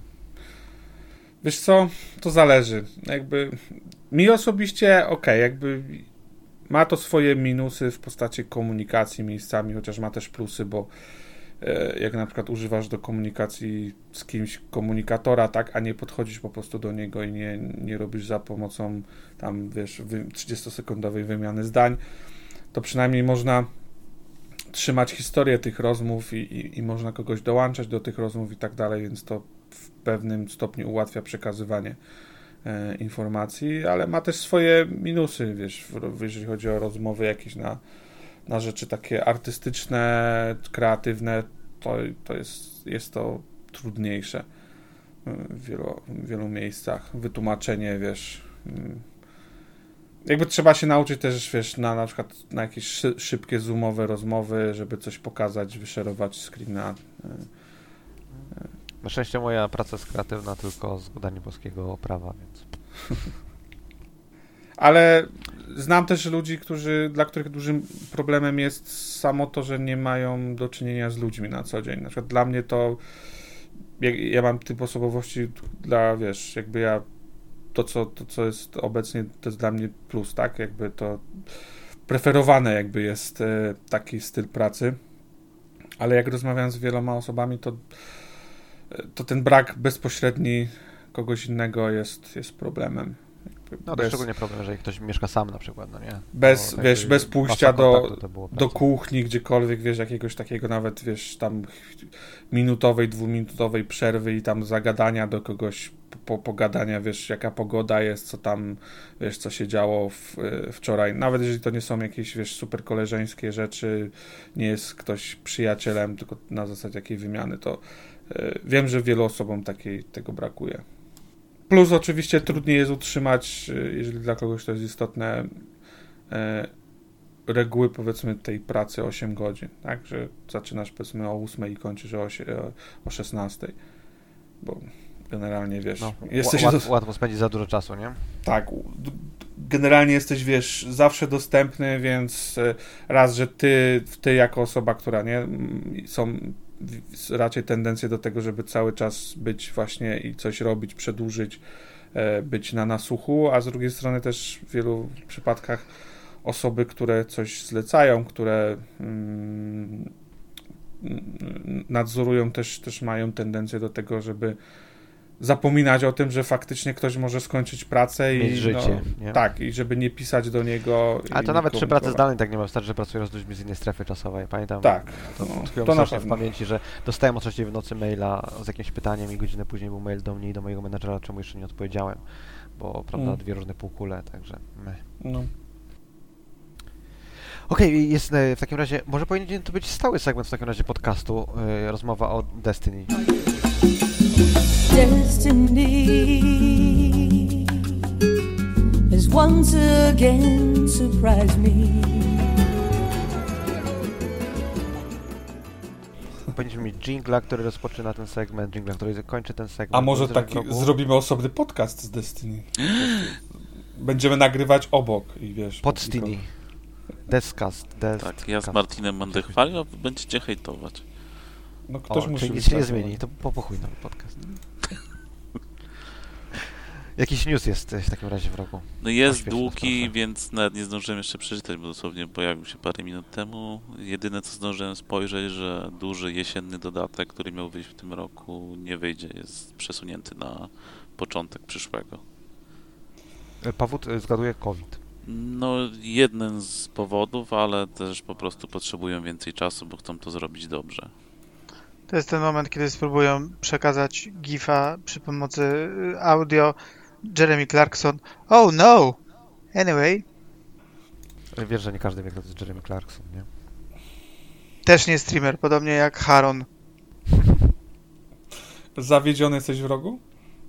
Wiesz to myślę, że ktoś, kto jakoś to uważnie śledził, co się dzieje ostatnio z Destiny, to się tego spodziewał.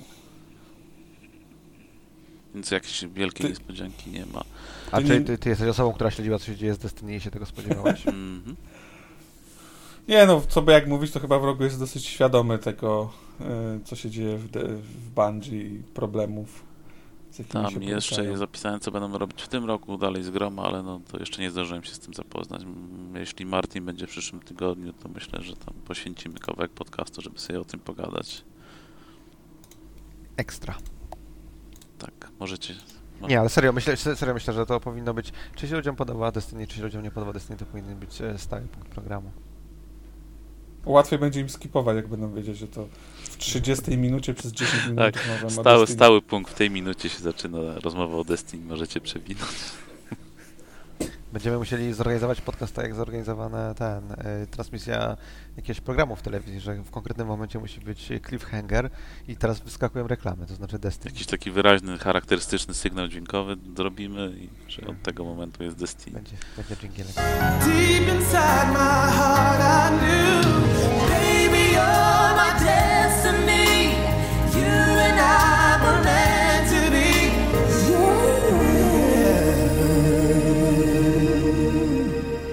Dobrze, to powiedzcie w co grać. Ja wiem, że e, Max, ty, pracuj, ty grasz y, w Yakuza, to nas to nie interesuje w takim A razie. czy, ale gram też w inną grę, jeżeli kogoś interesuje. Nie interesuje nas Tor Blizu. Nie no, dlaczego mnie interesuje na przykład w jaką inną grę gra Max? No wiem, żartuję, żartuję. Zacznijmy w takim razie od wroga. Czy grasz coś poza Destiny, bo to może być bardzo szybka wymiana zdań. Nie, nic nie grałem nowego. Okej, Max. E, wiesz co, e, ja mam taki stały segment e, growy, to znaczy mm, e, staram się codziennie jeździć na, na rowerku stacjonarnym i robię sobie jakieś tam 40-parominutowe sesje i w, zazwyczaj po prostu e, gram też w tym momencie. E, bo większość Powiedz, gier... że morsujesz. Powiedz, że morsujesz też. Nie. To jest modne. E, I generalnie można jeździć na rowerku stacjonarnym i grać bez problemu. Wielokrotnie mnie o to pytali, jak mogę, nie wiem, nie, nie mam problemów z tym. I w tej sesji pogrywam sobie, wiesz co, w końcu w Uncharted 4. E, Oczywiście na PS5, ale tak akurat dużej różnicy nie robi, bo ta gra ciągle chodzi w 30 klatkach na sekundę, co, co trochę no niestety odczuwam i zgrzytam zębami. e, Jak to? A to, a to nie jest tak, że Sony chce chyba wszystkich tych swoich grom te 60 FPS-ów tam dać? Nie, To nie jest Microsoft, to myślisz o Microsoftie chyba. nie no, ale przecież co, no Ghost, Nie, of, Ghost of nie. Tsushima dostał takiego patcha, coś jeszcze dostało takiego No tak, patcha? ale Ghost of Tsushima to jest, wiesz, ona wyszła w, la, w lato zeszłego roku, nie? Czy to jest bardzo świeża gra. Mogli być przygotowani na to, po, po prostu łatwo to zrobić. Uncharted 4 to jest, nie wiem, 2017 rok. To, to nawet, wiesz, to nawet e, Spidermana, który jest chyba 2018 rok, no to wydali re- remastera konkretnego, żeby to e, w 60 klatkach było. Czwórka to jest ten koniec kradzieja? To Tak. ta część? Tak, tak. Więc no niestety, mówię, 30 klatek, zgrzytam zębami, no ale co zrobić? E, Nie ma informacji od Sony, że coś zrobią, nie wiem, wydadzą remastera, cokolwiek. Może się tak zdarzyć, że skończę grę, a oni zapowiedzą remastera, no ale no cóż, e, zdarza się. E, Generalnie wiesz, to jest seria, którą bardzo lubię, chociaż od początku mocno na nią narzekałem. Pamiętam pierwsza część strzelanie. Zresztą co jak co, jakby e, Naughty Dog jednego nie potrafią zrobić, strzelania dobrego i to, i to widać w tej części. Niewiele się chyba poprawiło, jak nie wiem, wróci się, ja niedawno grałem w Gearsy 5, kończyłem i jeżeli chodzi o samą mechanikę strzelania, te gry są bardzo podobne do siebie. E, nie wiem, strasznie mnie irytuje strzelanie w, w, w, w Uncharted. Max, Pan- co nam możesz powiedzieć o strzelaniu w Uncharted? To, wiesz co, po angielsku to by się powiedział, że, że jest bardzo floaty, nie wiem, bardzo pływające jest to strzelanie. W momencie, w którym naciskam trigger, żeby zrobić przybliżenie, tak, no bo to jest właściwie jedyna opcja, żeby strzelić, czy tam naciskam y, y, L2, czy jakkolwiek nazwać ten, ten przycisk, mam problem z wycelowaniem, tak? Nie, nie, po prostu na, na, na trafienie na, na Może przeciwnika... trzeba zwolnić na rowerze, bo z rowera się, z roweru się Nie, to nie, to wiesz co, to nie, nie, nie o to zupełnie chodzi. Eee, jakby tych problemów w, w Gears of War nie ma. No, jakby Uncharted od początku jakby pamiętam, że taką me, taka jest mechanika, tak u nich to działało i zawsze z tym miałem problem. Są osoby, którym to nie przeszkadza, nie zauważają. Dla mnie to jest strasznie irytujące i to jest moment, w którym jak trzeba walczyć, to uch, nie wiem, nie daje mi to satysfakcji zupełnie. Eee, i, I uważam po prostu, że Naughty Dog to też tak jak w, wie, w wielu studiach, tak? Masz pewne doświadczenie, masz pewne osoby, które robią rzeczy dobre, nie wiem, w Naughty Dog robią fajną narrację, robią zajebistą grafikę, po prostu jak gra na 2017 rok, y, wydana na konsoli PlayStation i to wtedy jeszcze chyba nawet Pro nie było, absolutnie wygląda oszałamiająco. Tak? To jest coś, no ciężko znaleźć drugą, wiesz, jakąś grę, która byłaby ładniejsza w dzisiejszych czasach, w 2021 roku od tej gry. E, Ale, The Last of Us 2. no okej, tak, no ale to samo studio. ale, e, no niestety nie mają doświadczenia, nie wiem, e, w strzelaniu, w robieniu tej, te, te, tego feedbacku, który, do, który jest wokół, wokół strzelania. Całe szczęście, zakładam, że jestem przy, przy końcu gry, e, nie skończyłem jej jeszcze, To ale świetnie brzmi, całe szczęście zakładam, że jestem przy końcu gry. nie, chodzi mi o to, że e, całe szczęście nie ma tego strzelania bardzo dużo. E, powiedziałbym, że jest 30% może strzelania. Akurat w tym aspekcie bardzo przypomina mi ostatniego Tomb Raidera. Tam też strzelania nie było szczególnie dużo. Akurat w, w Tomb Raiderze też mi strzelanie jest dużo fajniejsze. Nie wiem. Tam, tam tego problemu też, też, też nie miałem. E, ale poza tym też, nie wiem, generalnie jakoś czwórka nie zachwyca mnie, nawet w, w innych aspektach, jeżeli chodzi o, o prowadzenie fabuły, o, o miejscówki. Ta ostatnia miejscówka jest fajna zdecydowanie, ale E, kilka wcześniejszych były takie mech, nie wiem, nie, nie szczególnie mnie ekscytowały, nie wiem czy tu walić spoilerami, czy kogokolwiek to interesuje, jeżeli chodzi o, o miejscówki. E, Ile ta gra ma lat? 3 lata, tak? To możesz. Dłu, dłużej. No teraz jestem, wiesz co, na y, Madagaskarze i powiedzmy te, te rejony takie tropikalne, jakieś wyspy, i to wygląda super, ale wcze- jakby jedne z pierwszych to była mm, północ Szkocji y, bodajże i na przykład być może to wynika z faktu, że ja generalnie nie lubię lodowych czy powiedzmy zimnych takich terenów, ale nie, nie szczególną e, wrażenie na mnie robiło.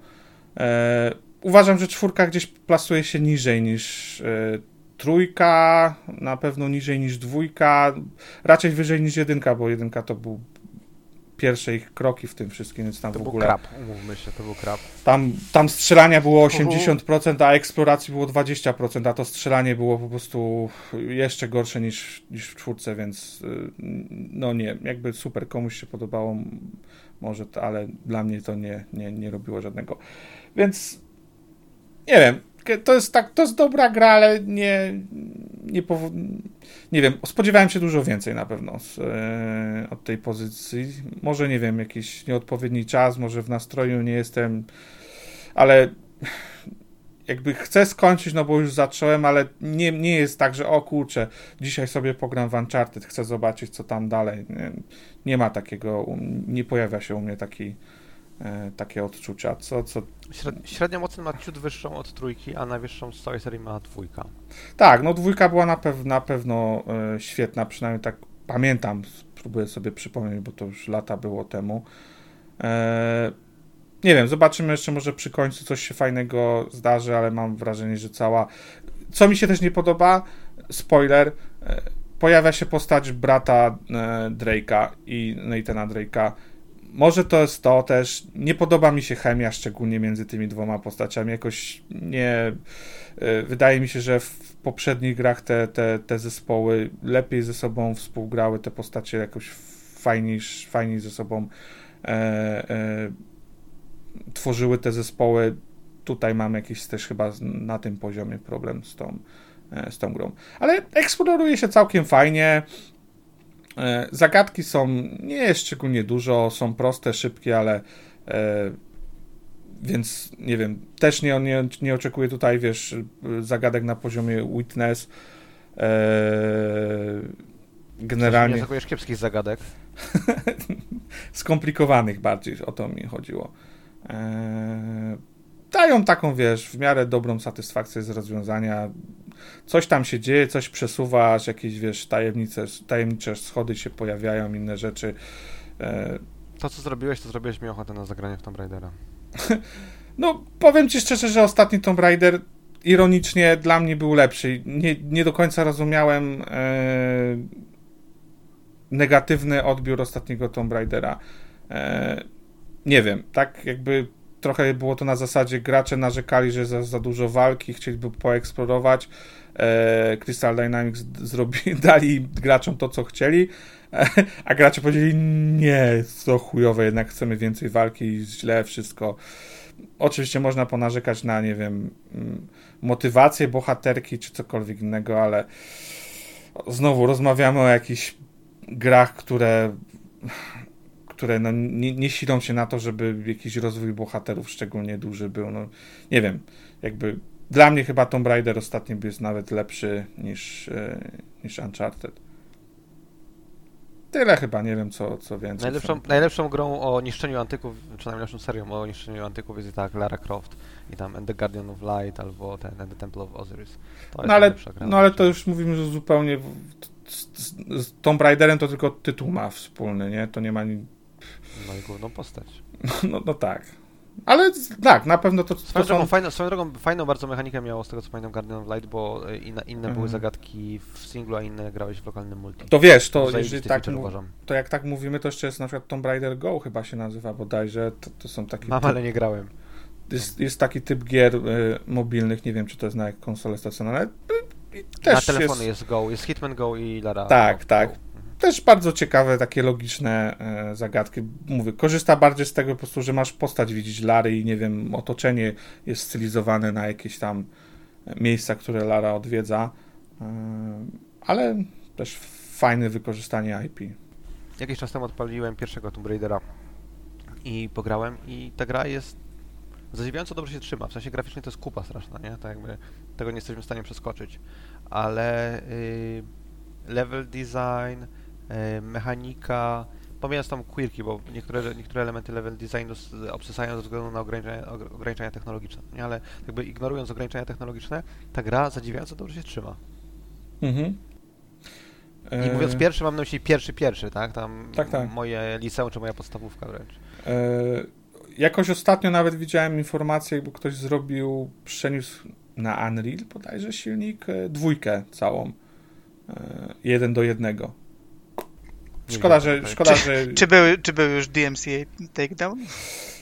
Też się nad tym Nie, zastanawiałem, ale, ale nie wchodziłem jakoś w szczegóły. Zakładam, że prędzej czy później to, e, to spotka tą, tą, tą pozycję. By the way, to jest dobry, to jest dobry segue, bo e, jest e, taki site itch.io, nie wiem czy wiecie Mhm, czym on jest, czy tak, trzeba wyjaśnić. Tak, ja wiem przynajmniej. jest, ja Możesz wyjaśnić. może wytłumaczę w takim razie, że to jest e, strona, gdzie niezależni twórcy różnego rodzaju mogą się dzielić swoimi produktami, czy tam projektami, mogą ją udostępniać za darmo, albo mogą ją udostępniać za pieniążki. I tam są na przykład różnego rodzaju gierki jakieś takie malutkie, pchełki, wprawki, aplikacje różnego rodzaju, papierowe RPG, opowiadania, rysunki, asety do gier, jak ktoś by chciał własne gry robić, itd., itd.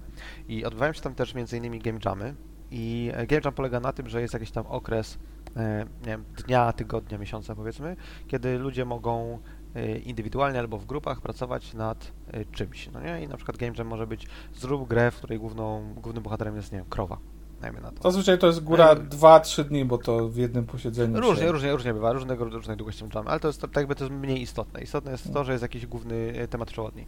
I teraz będzie za 9 dni bodajże, będzie 9 dni od wtedy, kiedy nagrywamy, czyli od czwartku, także w niedzielę w przyszłym tygodniu, e, będzie Cease and Desist Nintendo Jam, który polega na tym, że należy zrobić coś, co jest zupełnie legalne, quote unquote, no nie, e, ale w jakiś sposób e, nawiązuje do Nintendo, do ich IP, do ich produktów i tak dalej i wygrywa tego jama ten, kto jako pierwszy dostanie od Nintendo Desist. E, Cease and Desist, tak może wyjaśnię, to jest y, oficjalny list od prawnika, który mówi naruszasz nasze IP, nasze trademarki i robisz rzeczy, które ktoś mógłby pomyśleć, że to robi je Nintendo, a nie robi ich Nintendo, więc zrób natychmiast to usuń albo. To jest and Desist. Ciekawe. No, taki taki mo- Jak, jak kogoś interesują takie A ni- to, warto to Nintendo w ogóle w pierwszej kolejności nie, nie próbuje zbombardować tego e, Jama? Jama nie bombardują, ale Nintendo ma niestety niechlubną dosyć historię yy, butowania tego typu rzeczy. Była jakiś czas temu afera związana z tym, że ziomek na Etsy, Etsy z kolei, dla tych co nie wiedzą, to jest strona, gdzie ludzie rękodzieło sprzedają własne, nie? Gościu ręcznie malowane pady yy, sprzedawał. Na przykład sprzed- sprzedawał pada tam czerwonego z logiem Mariana, no nie?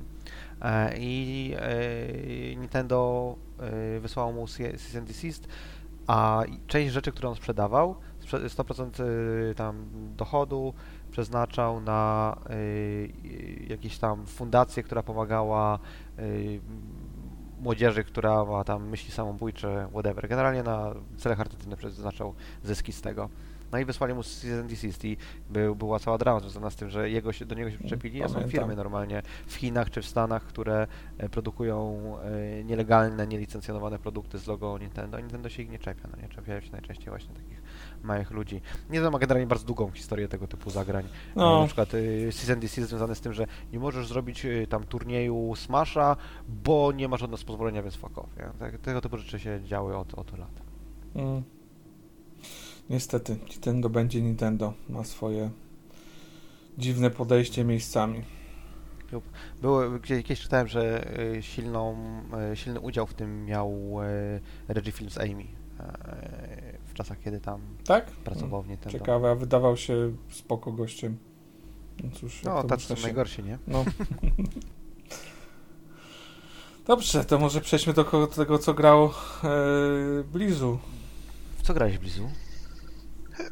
A ja grałem. Co ja grałem? Różne rzeczy gram takie, co sobie rozgrzewałem wcześniej, więc e, chociaż grałem w 300 rzeczy naraz, to żadnej A, szybko nie przepraszam, ja, za, zanim, za, zanim zaczniesz Blizu, ty nie masz jak Lol. nie, sta, nie, sta, nie, chodzi mi pytanie właśnie o to w tym, w tym temacie, bo, bo mnie to ciekawi.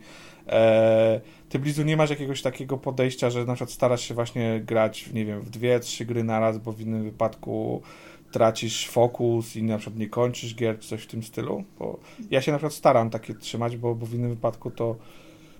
No, Bo Max, ciągle co- słyszę, że ty, ty, ty masz dużo, tak? Że masz dużo, dużo gier i... ja mam dziesiątki, no. Ja po prostu, nie, ja się łatwo defokusuję i niestety... Tak, staram się kończyć wszystkie gry, ale y, idzie mi to bardzo źle, bo gram w nich dużo naraz. No, nic nie A poradzę. nie masz takiego problemu, że jak wracasz do gry po dłuższym czasie, to nie wiesz w ogóle, co się działo? Ja kiedyś tak któregoś, yy, któregoś Castlevania tak skończyłem, nie, znaczy ten, przerwałem w trzech czwartych, próbowałem do niej wrócić po paru miesiącach, za chuja nie wiedziałem, jak się w to gra w ogóle już nawet. Nie, no, na pewno jest jakiś tam... Nie, nie są... Nie wszystkie gry są pewnie kompatybilne z takimi przerwami, no ale wiesz, jest mnóstwo gier, które są z tym kompatybilne. No, jeżeli przerwiesz dowolnego racera, to w sumie możesz do niego wrócić w dowolnym momencie, tak? To nie każdy tytuł tak Ale ma. nawet puzzle gie- gierki, jak push blocksy, pull blocksy i tak dalej, jak były na 3DS-a, któregoś yy, przerwałem tam parę plansz przed końcem i wróciłem do niego i tak jakby skomplikowanie plansz mi już przerastało, bo już nie pamiętałem mechaniki. Hmm. Nie no, no jest ten, znaczy czasami faktycznie mm, są z tym kłopoty, no ale nic nie poradzę. No, tak. Zaczyna wtedy Blizu grę od nowa. Czasami tak, jak trzeba. Ale nie, na przykład teraz wróciłem po długim czasie do Final Fantasy XIII e, i bardzo sobie cenię to, że tam jest e, 500 stron opisanych, co do tej pory w tej grze zrobiłem. Po prostu czytam. I Ale mechanicznie jest, byłeś w stanie, bo to też jest gra, która hmm, system akurat ma dosyć rozbudowany. No, jeszcze powiedzmy, że na razie jest nadrabiam fabularnie. Mechanicznie to się jeszcze Okej. tam... Okej. E, Lizu gra na easy, spokojnie. ja, ja nie, bardzo... Nie wiem, czy tam poziom trudności był do wyboru, szczerze. Nie, nie było do wyboru poziomu trudności, ale ja też jestem, wiesz, jeszcze tam mam chyba 30 kilka godzin, więc nie wiem, czy już się tutoriale skończyły. No w japońskich grach to nie, to, to nigdy się nie kończy. Na No. ostatnim bosie będziesz miał tutorial.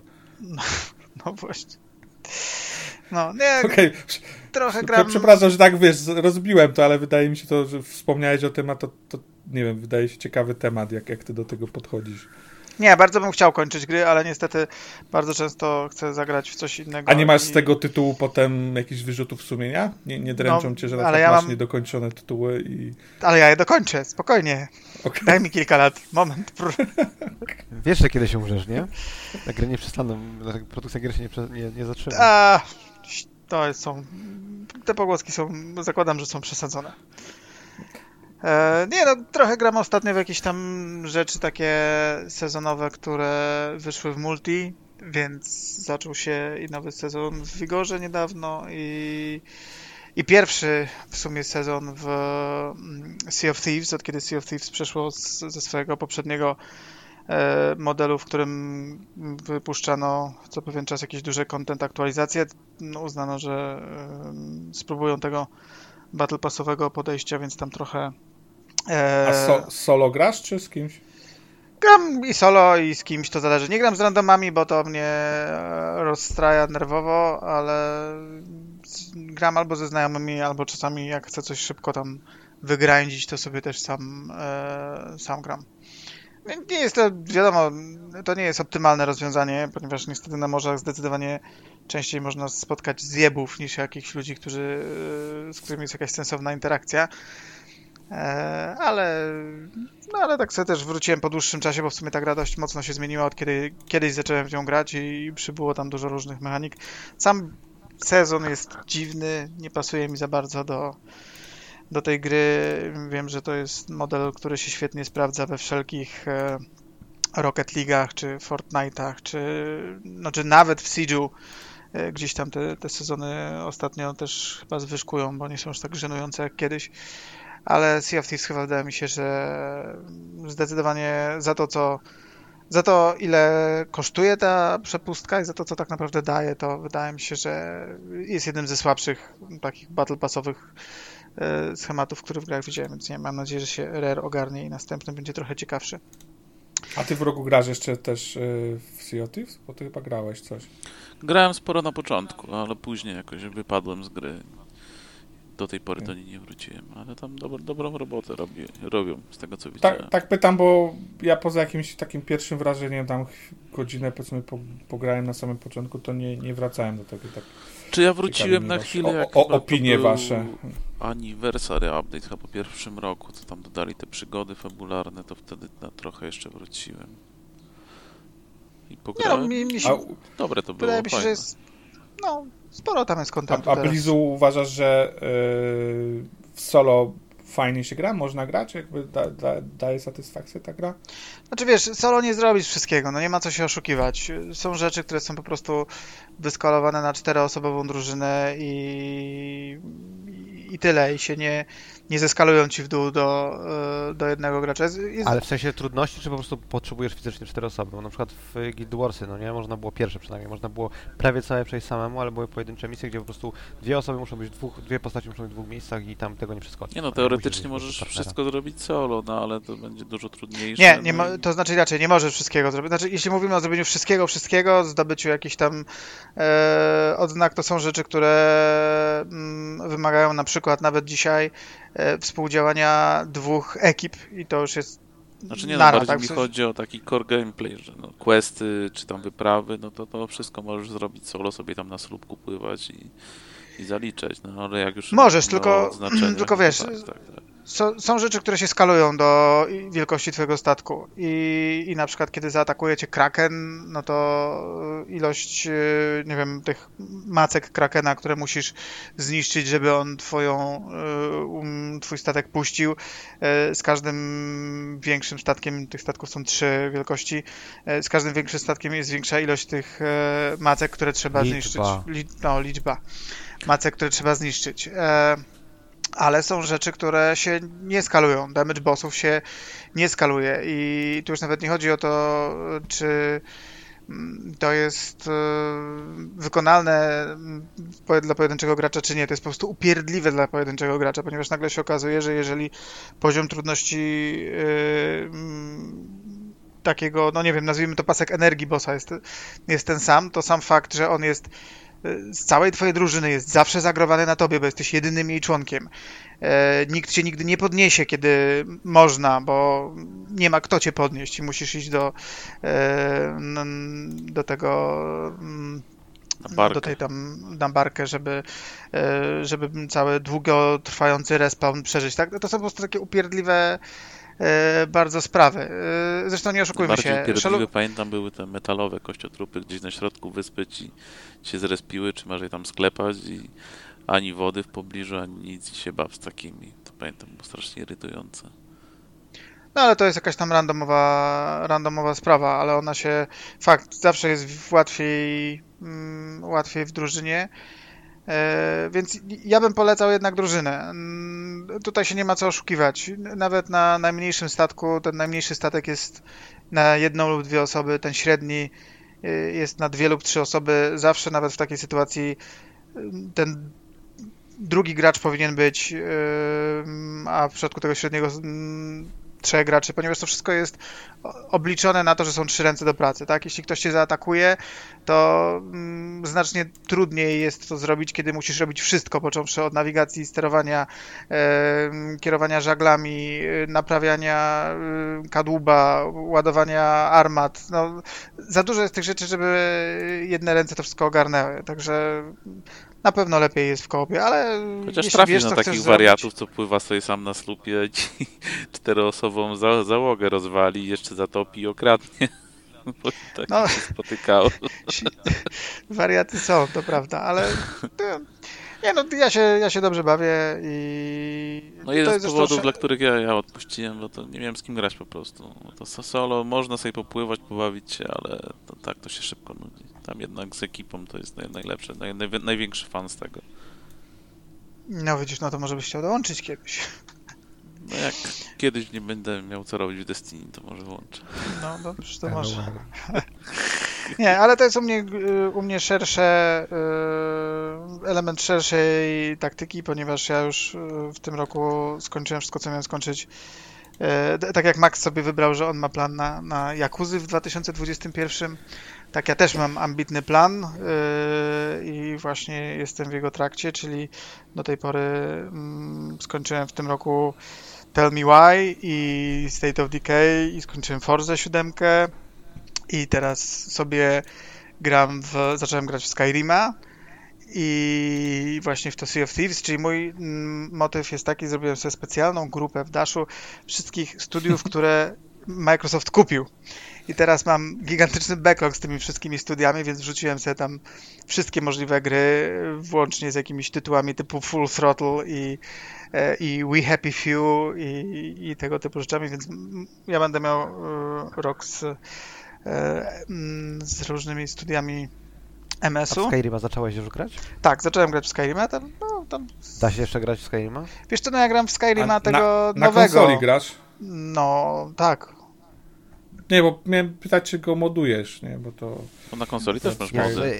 Y, idea, idea modowania Skyrima, y, gierki, żeby była fajna i up to date, jest, nie, nie ogarniam tego, nie, nie Max, nie modowanie Skyrima wyłącza w nim achievementy. Nie będę grał na Xboxie w grę, w której w wyniku modowania i tego, że będzie przylatywał mi Thomas the Tank Engine i zionął ogniem na... Musimy, musimy tą rozmowę o achievementach w końcu, musi- musimy tą rozmowę o achievementach przeprowadzić, ale nie, bo raczej, wiesz, to nie oczekiwałem, że tam e, lokomotywę dasz jakieś i wiesz, i to miałoby się pojawiać. Bardziej kwestia od grafiki, co jest takie, wiesz, wiadomo, najprostsze, po, po często jak oglądałem, czytałem, to wiesz, tam questy zmieniają, dodają, rozbudowują, sporo można pozmieniać i to Dużo ludzi mówi, większość mówi, że na super lepsze, nie? Że, że No ja, ja nie Skyrim, bardzo, ja nie, ale- ja nie wiem, czy y, y, rozbudowywałbym Skyrima, bo nie wiem, czy pierwszą rzeczą, którą bym opisał Skyrima, to by było to, że jest mało rozbudowany out of the box.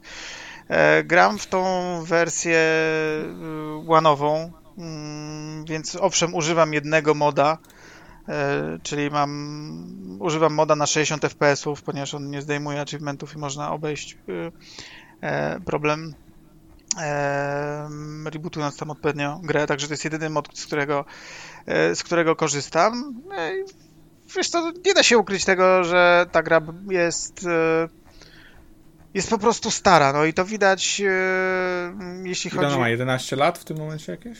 Mm, No, 10? 10? 10 chyba. Ale wiesz, tam są takie rzeczy, które są. No, po pierwsze, ma fatalny interfejs. Nienawidzę tego interfejsu jak psa. Gram w nią. Teraz Ej, co chyba- masz do psów?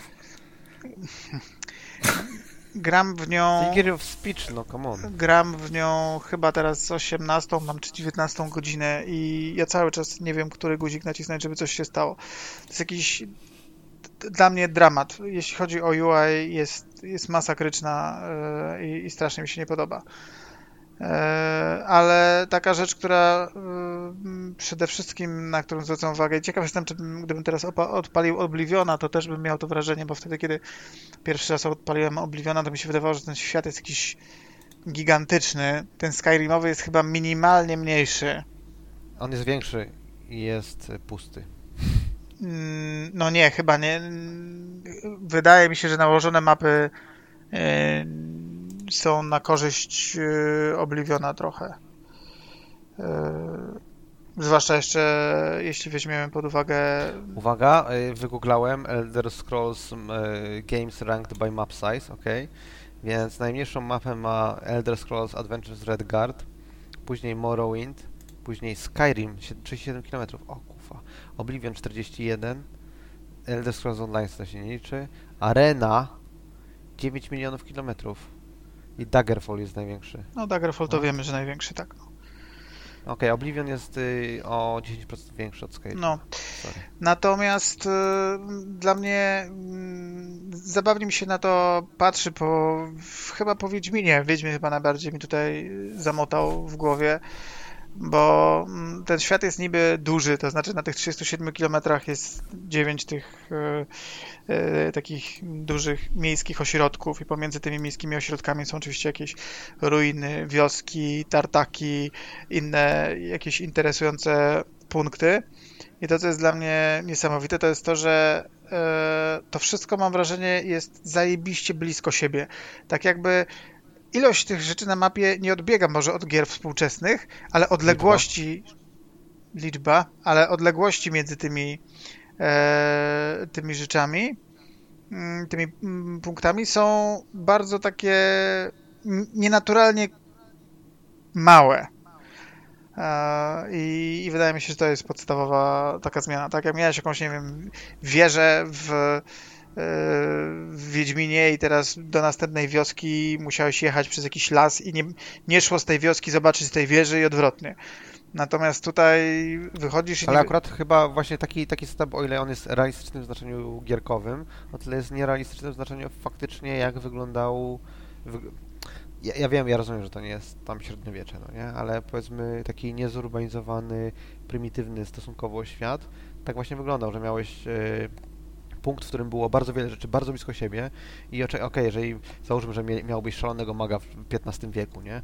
No to jego, e, jego dom byłby nie aż tak bardzo oddalony od wioski, e, z której tam, nie wiem, kradł świnie, whatever. No tak, ale masz dwa ośrodki miejskie, z których wiesz, z jednego prawie widzisz drugi, tak? Albo e, masz zamek, w którym siedzą bandyci i obok wioskę, to na pewno ktoś by już kogoś no, zabił, gdyby... Bobolice na przykład, tak? Miałeś dwa zamki, z których jeden widziałeś drugi. To nie było jakieś nadzwyczajne, to nie jest jakiś nadzwyczajny setup, w którym e, jeden ośrodek ludzki jest, e, widzi drugi ośrodek ludzki, ponieważ potrzebujesz tego do ochrony jakiegoś terytorium. Tak by nie. Nie, nie, wydaje mi się, że to jest takie bardzo skompaktowane jest to wszystko. Nie, no generalnie gram sobie w Skyrima, spóźniony jestem na imprezę o 10 lat, e, ale średnio porywa, oczywiście fabularnie, bo to nigdy chyba nie była gra, która miała fabularnie porywać. A ty kończysz drugi raz y, Skyrima, czy nie skończyłeś go? i Nie, tak no nie, nie, nie, teraz? gram pierwszy raz. Okej. No, także... No, no, Witamy w 2010 roku, Blizu. No, dzień dobry, dzień dobry. No, słuchaj, to naprawdę nie jest, wiesz, y, tak jak już powiedziałem, ja sobie tam zrobiłem listę, tam są Nie, naprawdę żartuję. antyki. Sam, sam jakby nie jestem osobą, która absolutnie, wiesz, musi grać w, w gry, które dzisiaj, wczoraj wyszły. No. Ale muszą mieć przynajmniej 60 klatek, to wiemy. No, Fajnie by było, ale no niekoniecznie. To jakby... Życie nie jest takie piękne. Siedząc tutaj rozmawiając, pojawił się nowy news, którego wrzucił w rogu. Który bo wrzucił Sorry, to- kilka. E, Co jest, e, sorry, jeżeli było słychać, to moja żona opierdoliła mi, że źle imię słowo użyłem. E, my, my sobie tutaj, my sobie tutaj Karma siedzimy. wraca po prostu za ilość. No, ja i- wiem, ka, ka, karma wraca, tak. Ilość liczba. Nie, po prostu kręci to Ryana i żonę jego, to, wiesz, to, są ich takie przygrywki. Tak, tak, to jest, to jest nasz king, no nie? Ubieramy się w skórę i mówimy sobie, e, mówimy błędy językowe. E, Jason Schreier powiedział, że Dragon Age będzie singleplayerowy, bo Anthem to był failure. To dobry news, nie? No i tak nie, Anthem w sensie był failure, tak, a Jedi było sukcesem. To też trzeba dodać. tylko śmieszne jest to, jak w ciągu ile minęło? 5 lat, 4 lata o 180 stopni wszystko się odwraca, wiesz. Wszyscy kiedyś chcieli robić gasy, każdy, wiesz, live'owa Znaczy, gra. umówmy się, oni nadal chcą robić gasy, ale powiedzmy, że ktoś najwyraźniej zrozumiał, że nie umiał. Bo e, tak tylko tu wrzucę tutaj anegdotę. Nie wiem, czy to jest ostatecznie prawda, bo, bo czytałem chwilę, ale tam różne opinie się pojawiały. E, Genshin Impact. E, generalnie stworzenie gry kosztowało s- 100 milionów dolarów. Teraz estymują, że utrzymanie tej gry roczne będzie kosztowało 200 milionów dolarów. I nad, Ale jak e, można zbudować coś takiego? e, Słucham? Jak można zbudować coś, co kosztuje więcej, yy, czego utrzymanie kosztuje więcej niż zbudowanie? Podobno ma Jakby- dewelo- 700 deweloperów nad tym pracować obecnie. Zależy, jaką mają roadmapę na content. Jakby z, z doświadczenia wiem, że można, tak? Jeżeli będą dodawać dużo nowych postaci, obszary, będą to. No okej, ale tak jakby... Nie wiem, Tego, jakby- jakby... na, na, poziomie, na poziomie designu powinno ci zależeć na tym, żeby to, co dodajesz, content był re, reużywalny, bardzo brzydkiego słowa, no nie? Mhm. Tak Szczególnie jak w grach free to play. w rogu, tak, tak jak opowiadał w rogu, nawet niekoniecznie free to play, ale opowiadał w rogu, że w Destiny, no nie, tam doją Destiny jest free to play. Sensownie, nie? No, który nie jest free to play, ale doją jedną miejscówkę porządnie. Na Nie, jest free to play no. akurat Destiny. No, no, no. A nie jest tak, że musisz, po, nie, nie jest tak, że musisz kupić podstawkę najpierw? Nie, nie, nie. Nie. Podstawka akurat jest darmowa. Tylko, że tam prawie nic nie ma teraz, ale jest za darmo. A, okej. Nie, jak już rzucam tylko w tym sensie, że wiesz, że w, utrzymanie faktycznie może kosztować, tak? I że w sensie zrobienie gasowej gry nie jest proste i, i, i teraz wszyscy, wiesz, dużo firm się wycofuje okrakiem z tych decyzji, które podjęli kilka lat temu. Bo Okej, to nie- zgoda, ale moim zdaniem to jest w takim razie jest y, fail na poziomie tam designu, na poziomie mechaniki Ale tak to dalej. też jest dziwne, no bo że- samo zaprojektowanie gry, stworzenie systemu, wszystkiego, no to chyba to, to powinno najwięcej kosztować, na później klepać content. Zależy. Nie no, content, content kosztuje dużo, no nie, ale to tak, E, tak na budujesz mechaniki, żebyś nie musiał y, napierdalać contentu jak szalony, no nie? Mm. Plus do tego zazwyczaj jest tak w rogu, że to nie jest, że na przykład y, zaczynasz produkcję gry i od razu masz zespół 700 osób. E, Dochodzisz do tego często lat, po, po latach dopiero. E, A, jakby, a, a ludzie to jest największy koszt w tym, w tym wszystkim. Zautomatyzować trzeba, zastąpić przez AI. Po co nam ludzie? Białko pieprze. Nie no, spoko. Jakby bardzo się cieszę. Ja nie, nie oczekuję, że każda gra będzie gasowym, co nie oznacza, że gasowe gry są złe czy coś. E, tylko niech to robią osoby, które faktycznie się na tym znają. Niech robią e, gry, które na tym skorzystają. E, nie każda gra musi być gasem i nie każda gra musi... Umówmy się, są dwa dobre gasy, jest Destiny, jest Warframe, wszystko inne to tam, prawda? E, no jeszcze jest ten e, Path of Exile. Powiedziałem, Nie, ty powiedziałeś Warframe. Powiedziałem, że Destiny. koniec. Destiny. Aha, okej. Nie ma Myślałem, że więcej. powiedziałeś. Okej, myślałem, że powiedziałeś, że ten. Nie, jest ich co najmniej kilkanaście, bym powiedział, ale no, Uuu. mówię. Też Wiadomo, wiadomo. popatrz na wroga. To też jest taka kwestia. Ile na rynku może być gier gasowych, któ- któ- którymi będą e, ludzie No, zainteresowani? w pewnym takiego momencie to wroga. jest I- walka na, na No, czas myślę, gracza. że, myślę, że też. graczy są setki milionów. Nie no, więc jasne. Jeżeli... Jasne, tylko to cały czas z każdą kolejną grą ci będzie trudniej. Nie? Nie, niech dajmy na to w tym momencie Microsoft sobie powie, powie ok, robimy gasowego Halo, chociaż trochę Halo nowe miało być takie, nie? Ma I być chyba nawet, będzie, ale, Ma być nawet, ale no. dajmy na to, że chcieliby zrobić odpowiednik Destiny. Więc zakładam, że wiele osób, które grają w Destiny, teoretycznie e, byłoby potencjalnymi klientami dla nich. A jak odciągnąć? Ale to nie jest problem, to nie jest problem tego, że y, tak by rynek na gasy jest wyczerpany, tylko rynek na gasy, w których jest, które są first person shooterami jest wyczerpany. no Nie? Tak jakby y, możesz Jasne. eksplorować y, takie gatunki, Mm. które jeszcze nie są gasowe. A no to I całą wtedy, pewnością. wtedy tam zamiast, zamiast skrobać z na beczki. No. Ale zauważ, że to i tak Jasne. się pokrywało. No, no, Anthem miało być Destiny Killerem. Sporo osób, które grało w Destiny, sprawdzało też Division. To jakoś to się sporo pokrywało. No tak, ale wiesz, jeżeli mówisz o Division, jeżeli mówisz o Destiny w mniejszym stopniu, na Anthem, to mówisz o shooterach. No tak, tak. No większość. No, no, no, no, no dobra, masz jeszcze Avengersów, no to tam masz napierdzielankę. No to też sporo osób sprawdzało. No jednak jak ktoś się wciągnie w te gry usługi, no to, to kolejny też z ciekawości sprawdza. Okej, ale to, to, to nadal te, te gry, usługi, czy one są z pierwszej, czy z, czy z trzeciej osoby, no nie z drugiej osoby, Boże, jedyny, e, to e, tak jakby mechanicznie są mocno zbliżone. Problem chyba gasów nie polega na tym, że może, nie wiem, no może się mylę, nie polega na tym, że e, wyczer- wyczerpany został zasób graczy, którzy są zainteresowani tymi grami, tylko że wyczerpany został e, zasób graczy, którzy są zainteresowani gasami z tą mechaniką. Tak by mo- mogę hejtować Witness, no nie, ale być może da się zrobić gasa z mechaniką taką, jaką ma Witness. E, próbowali to, wiesz. y, y, te, Boże. Z, w odcinkach gry. Nie wyszło. Episodic content w sensie, Mhm. tak. Tak, tak, dokładnie. Okej. Czy jeszcze o czymś chcielibyście W porozmawiać? rogu ty coś grałeś? Bo nie wiem, tak. y, Nie pamiętam, czy powiedziałeś, że tylko. W Destiny, powiedział, że Okej, Destiny, to jest dlatego Destiny, ciebie. tak. Czyli w NIT. A ty? was, Nie, no według nie, was. nie, nie, bądźmy, nie bądźmy tacy, nie bądźmy tacy krytyczni. A ty, Dominiku, w coś grałeś? Poza RSS-ami kupiliśmy, znaczy moja żona kupiła komputer i e, graliśmy, czyli ona grała w Medium. Nie wiem, czy to się liczy. Ona grała, a ty oglądałeś jak gra, tak? Tak, tak. Ja, ja, grałem, tak, grałem w Medium tak samo, jak grałem w ten...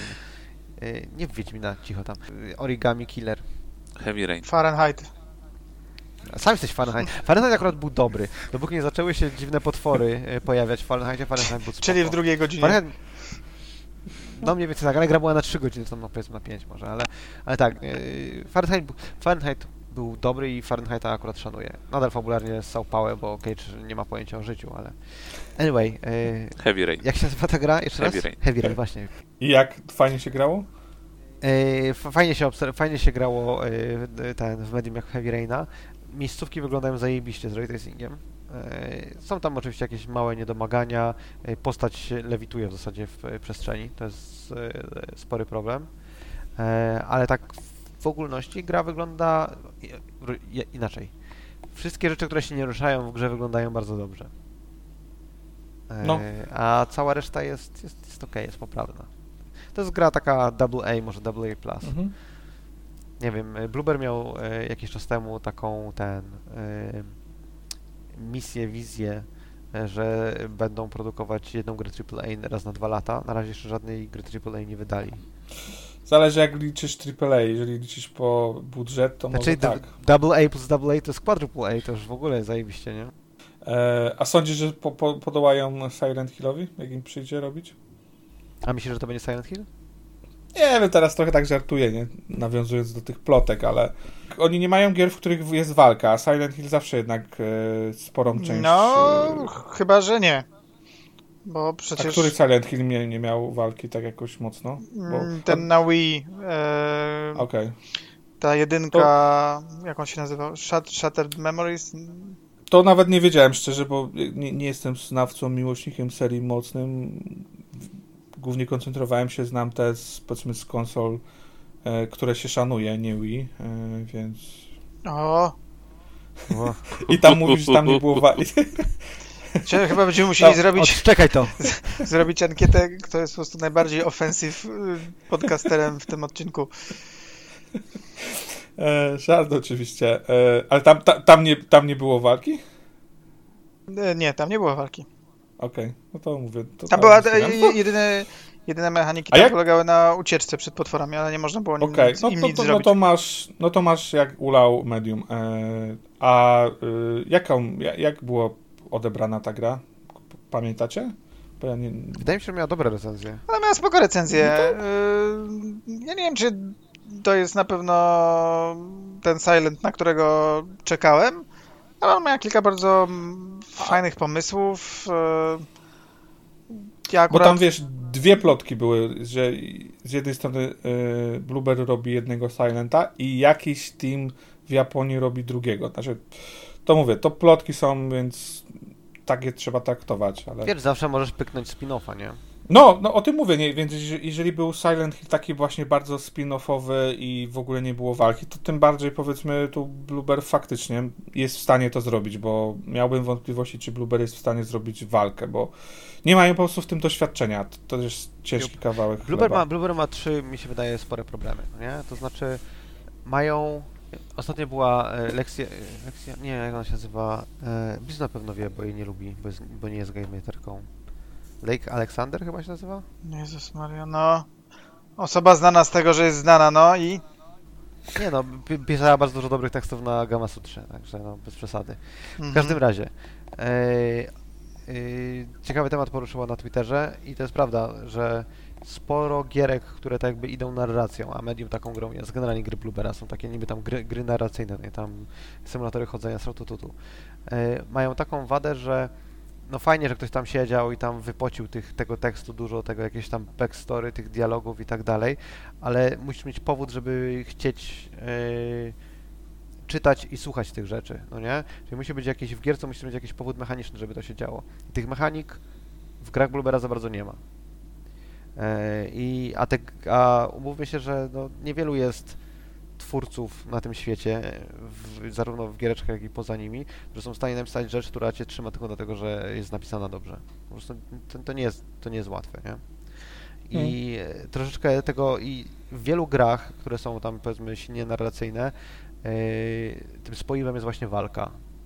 E, W medium tym spoiwem starają się być zagadki niektóre z tych zagadek są spoko, ale medium na przykład cierpi na to, że niektóre zagadki z tych, które widziałem do tej pory, no nie, e, są takie mocno nieintuicyjne, troszeczkę taki level e, przygodówki z 40 lat temu.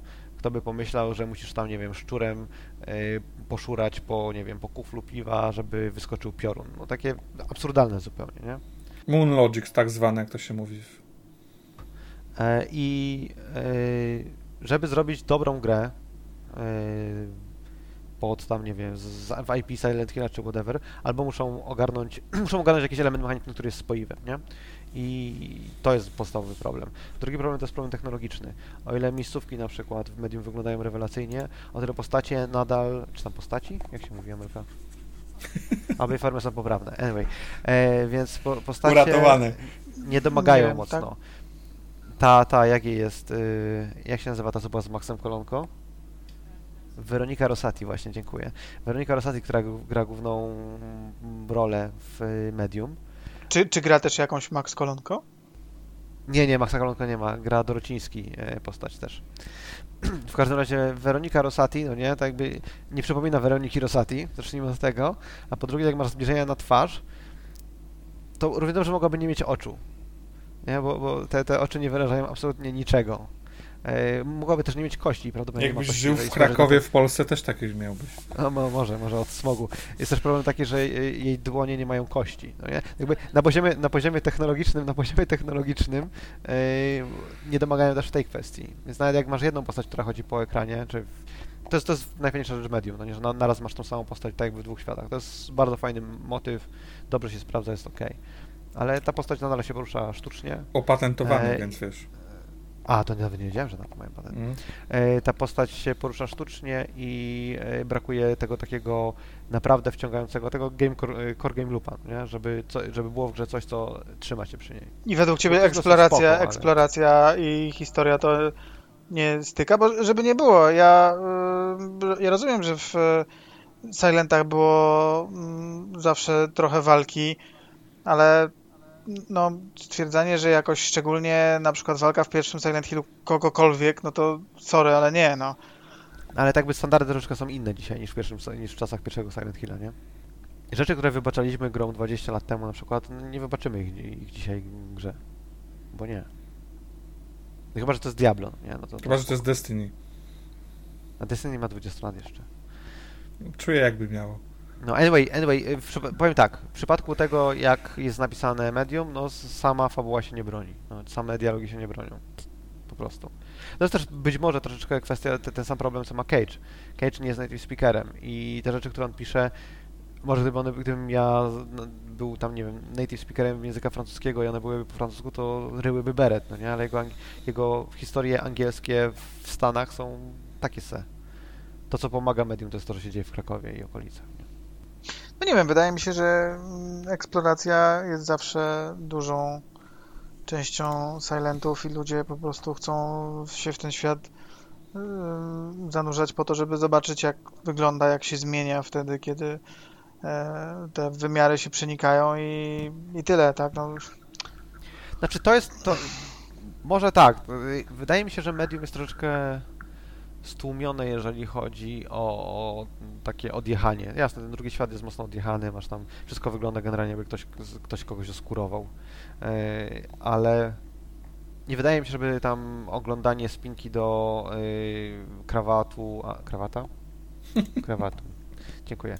E, żeby obracanie spinki do krawatu, czy tam obserwowanie, jak wyglądają klucze, było jakieś super mechanicznie. Ja rozumiem, że Elaine Watt zrobił i ja rozumiem, że oni te, że Medium też, też ma ten feature, no nie, ale no, no, cza- tak brakuje tam takiej korowej mechaniki, która by cię trzymała i nie wydaje mi się, że eksploracja, może świat Silent Hilla jest na tyle zajebisty, może jest, jest super zajebisty dla ludzi, którzy em, wychowali się na Silent Hillu, nie? Ale nie wiem, ciężko mi sobie wyobrazić, żeby to przyciągnęło nowych graczy, po prostu. Ale myślę, że na pewno jest w ich zasięgu. Nie wiem, czy w kolejnej iteracji, czy jeszcze dłużej, czy potrzebują Nie, po prostu... jak, jak, jak najbardziej, oni są na właściwej ścieżce, no nie? E, Mają jakąś tam swoją niszę, e, w tej niszy robią, robią to, co, to, co chcą robić, to, co potrafią robić, spoko, no nie? Tam za jedną, dwie czy trzy gry prawdopodobnie będzie, będzie jakiś cukiereczek, ale jeszcze nie są tam po prostu. To co, tym optymistycznym akcentem kończymy? Bo tak, no już dwie godziny. Myślę, że wystarczy. Tematów jeszcze tam trochę było różnych, ale to z antemem na czele, ale to myślę, że... Dobra, to by było na tyle Dziękuję bardzo serdecznie za to, że byliście z nami dzisiaj. A to był 174 epizod podcastu Epic Fail. Będziemy dalej dążyć do tego, żeby być systematycznie co tydzień, a w międzyczasie musimy też zainwestować trochę czasu w złożenie tego materiału. Więc ja dziękuję bardzo serdecznie Ryanowi Dziękuję. za udział, nie za składanie, bo jeszcze nie ustaliliśmy, kto będzie składał. Ale dziękuję również bardzo serdecznie Maxowi Dzięki. i Blizzardowi Beast, Dzięki. a także Marcinowi Wrogowi. Dziękuję. Pamiętajcie, żeby sprawdzić nas na Facebooku i na YouTubie, a, a być I może nawet subskrybujcie na, do RSS-ów. na i Spotify. Zobaczymy. Maybe you should play Epic Fail.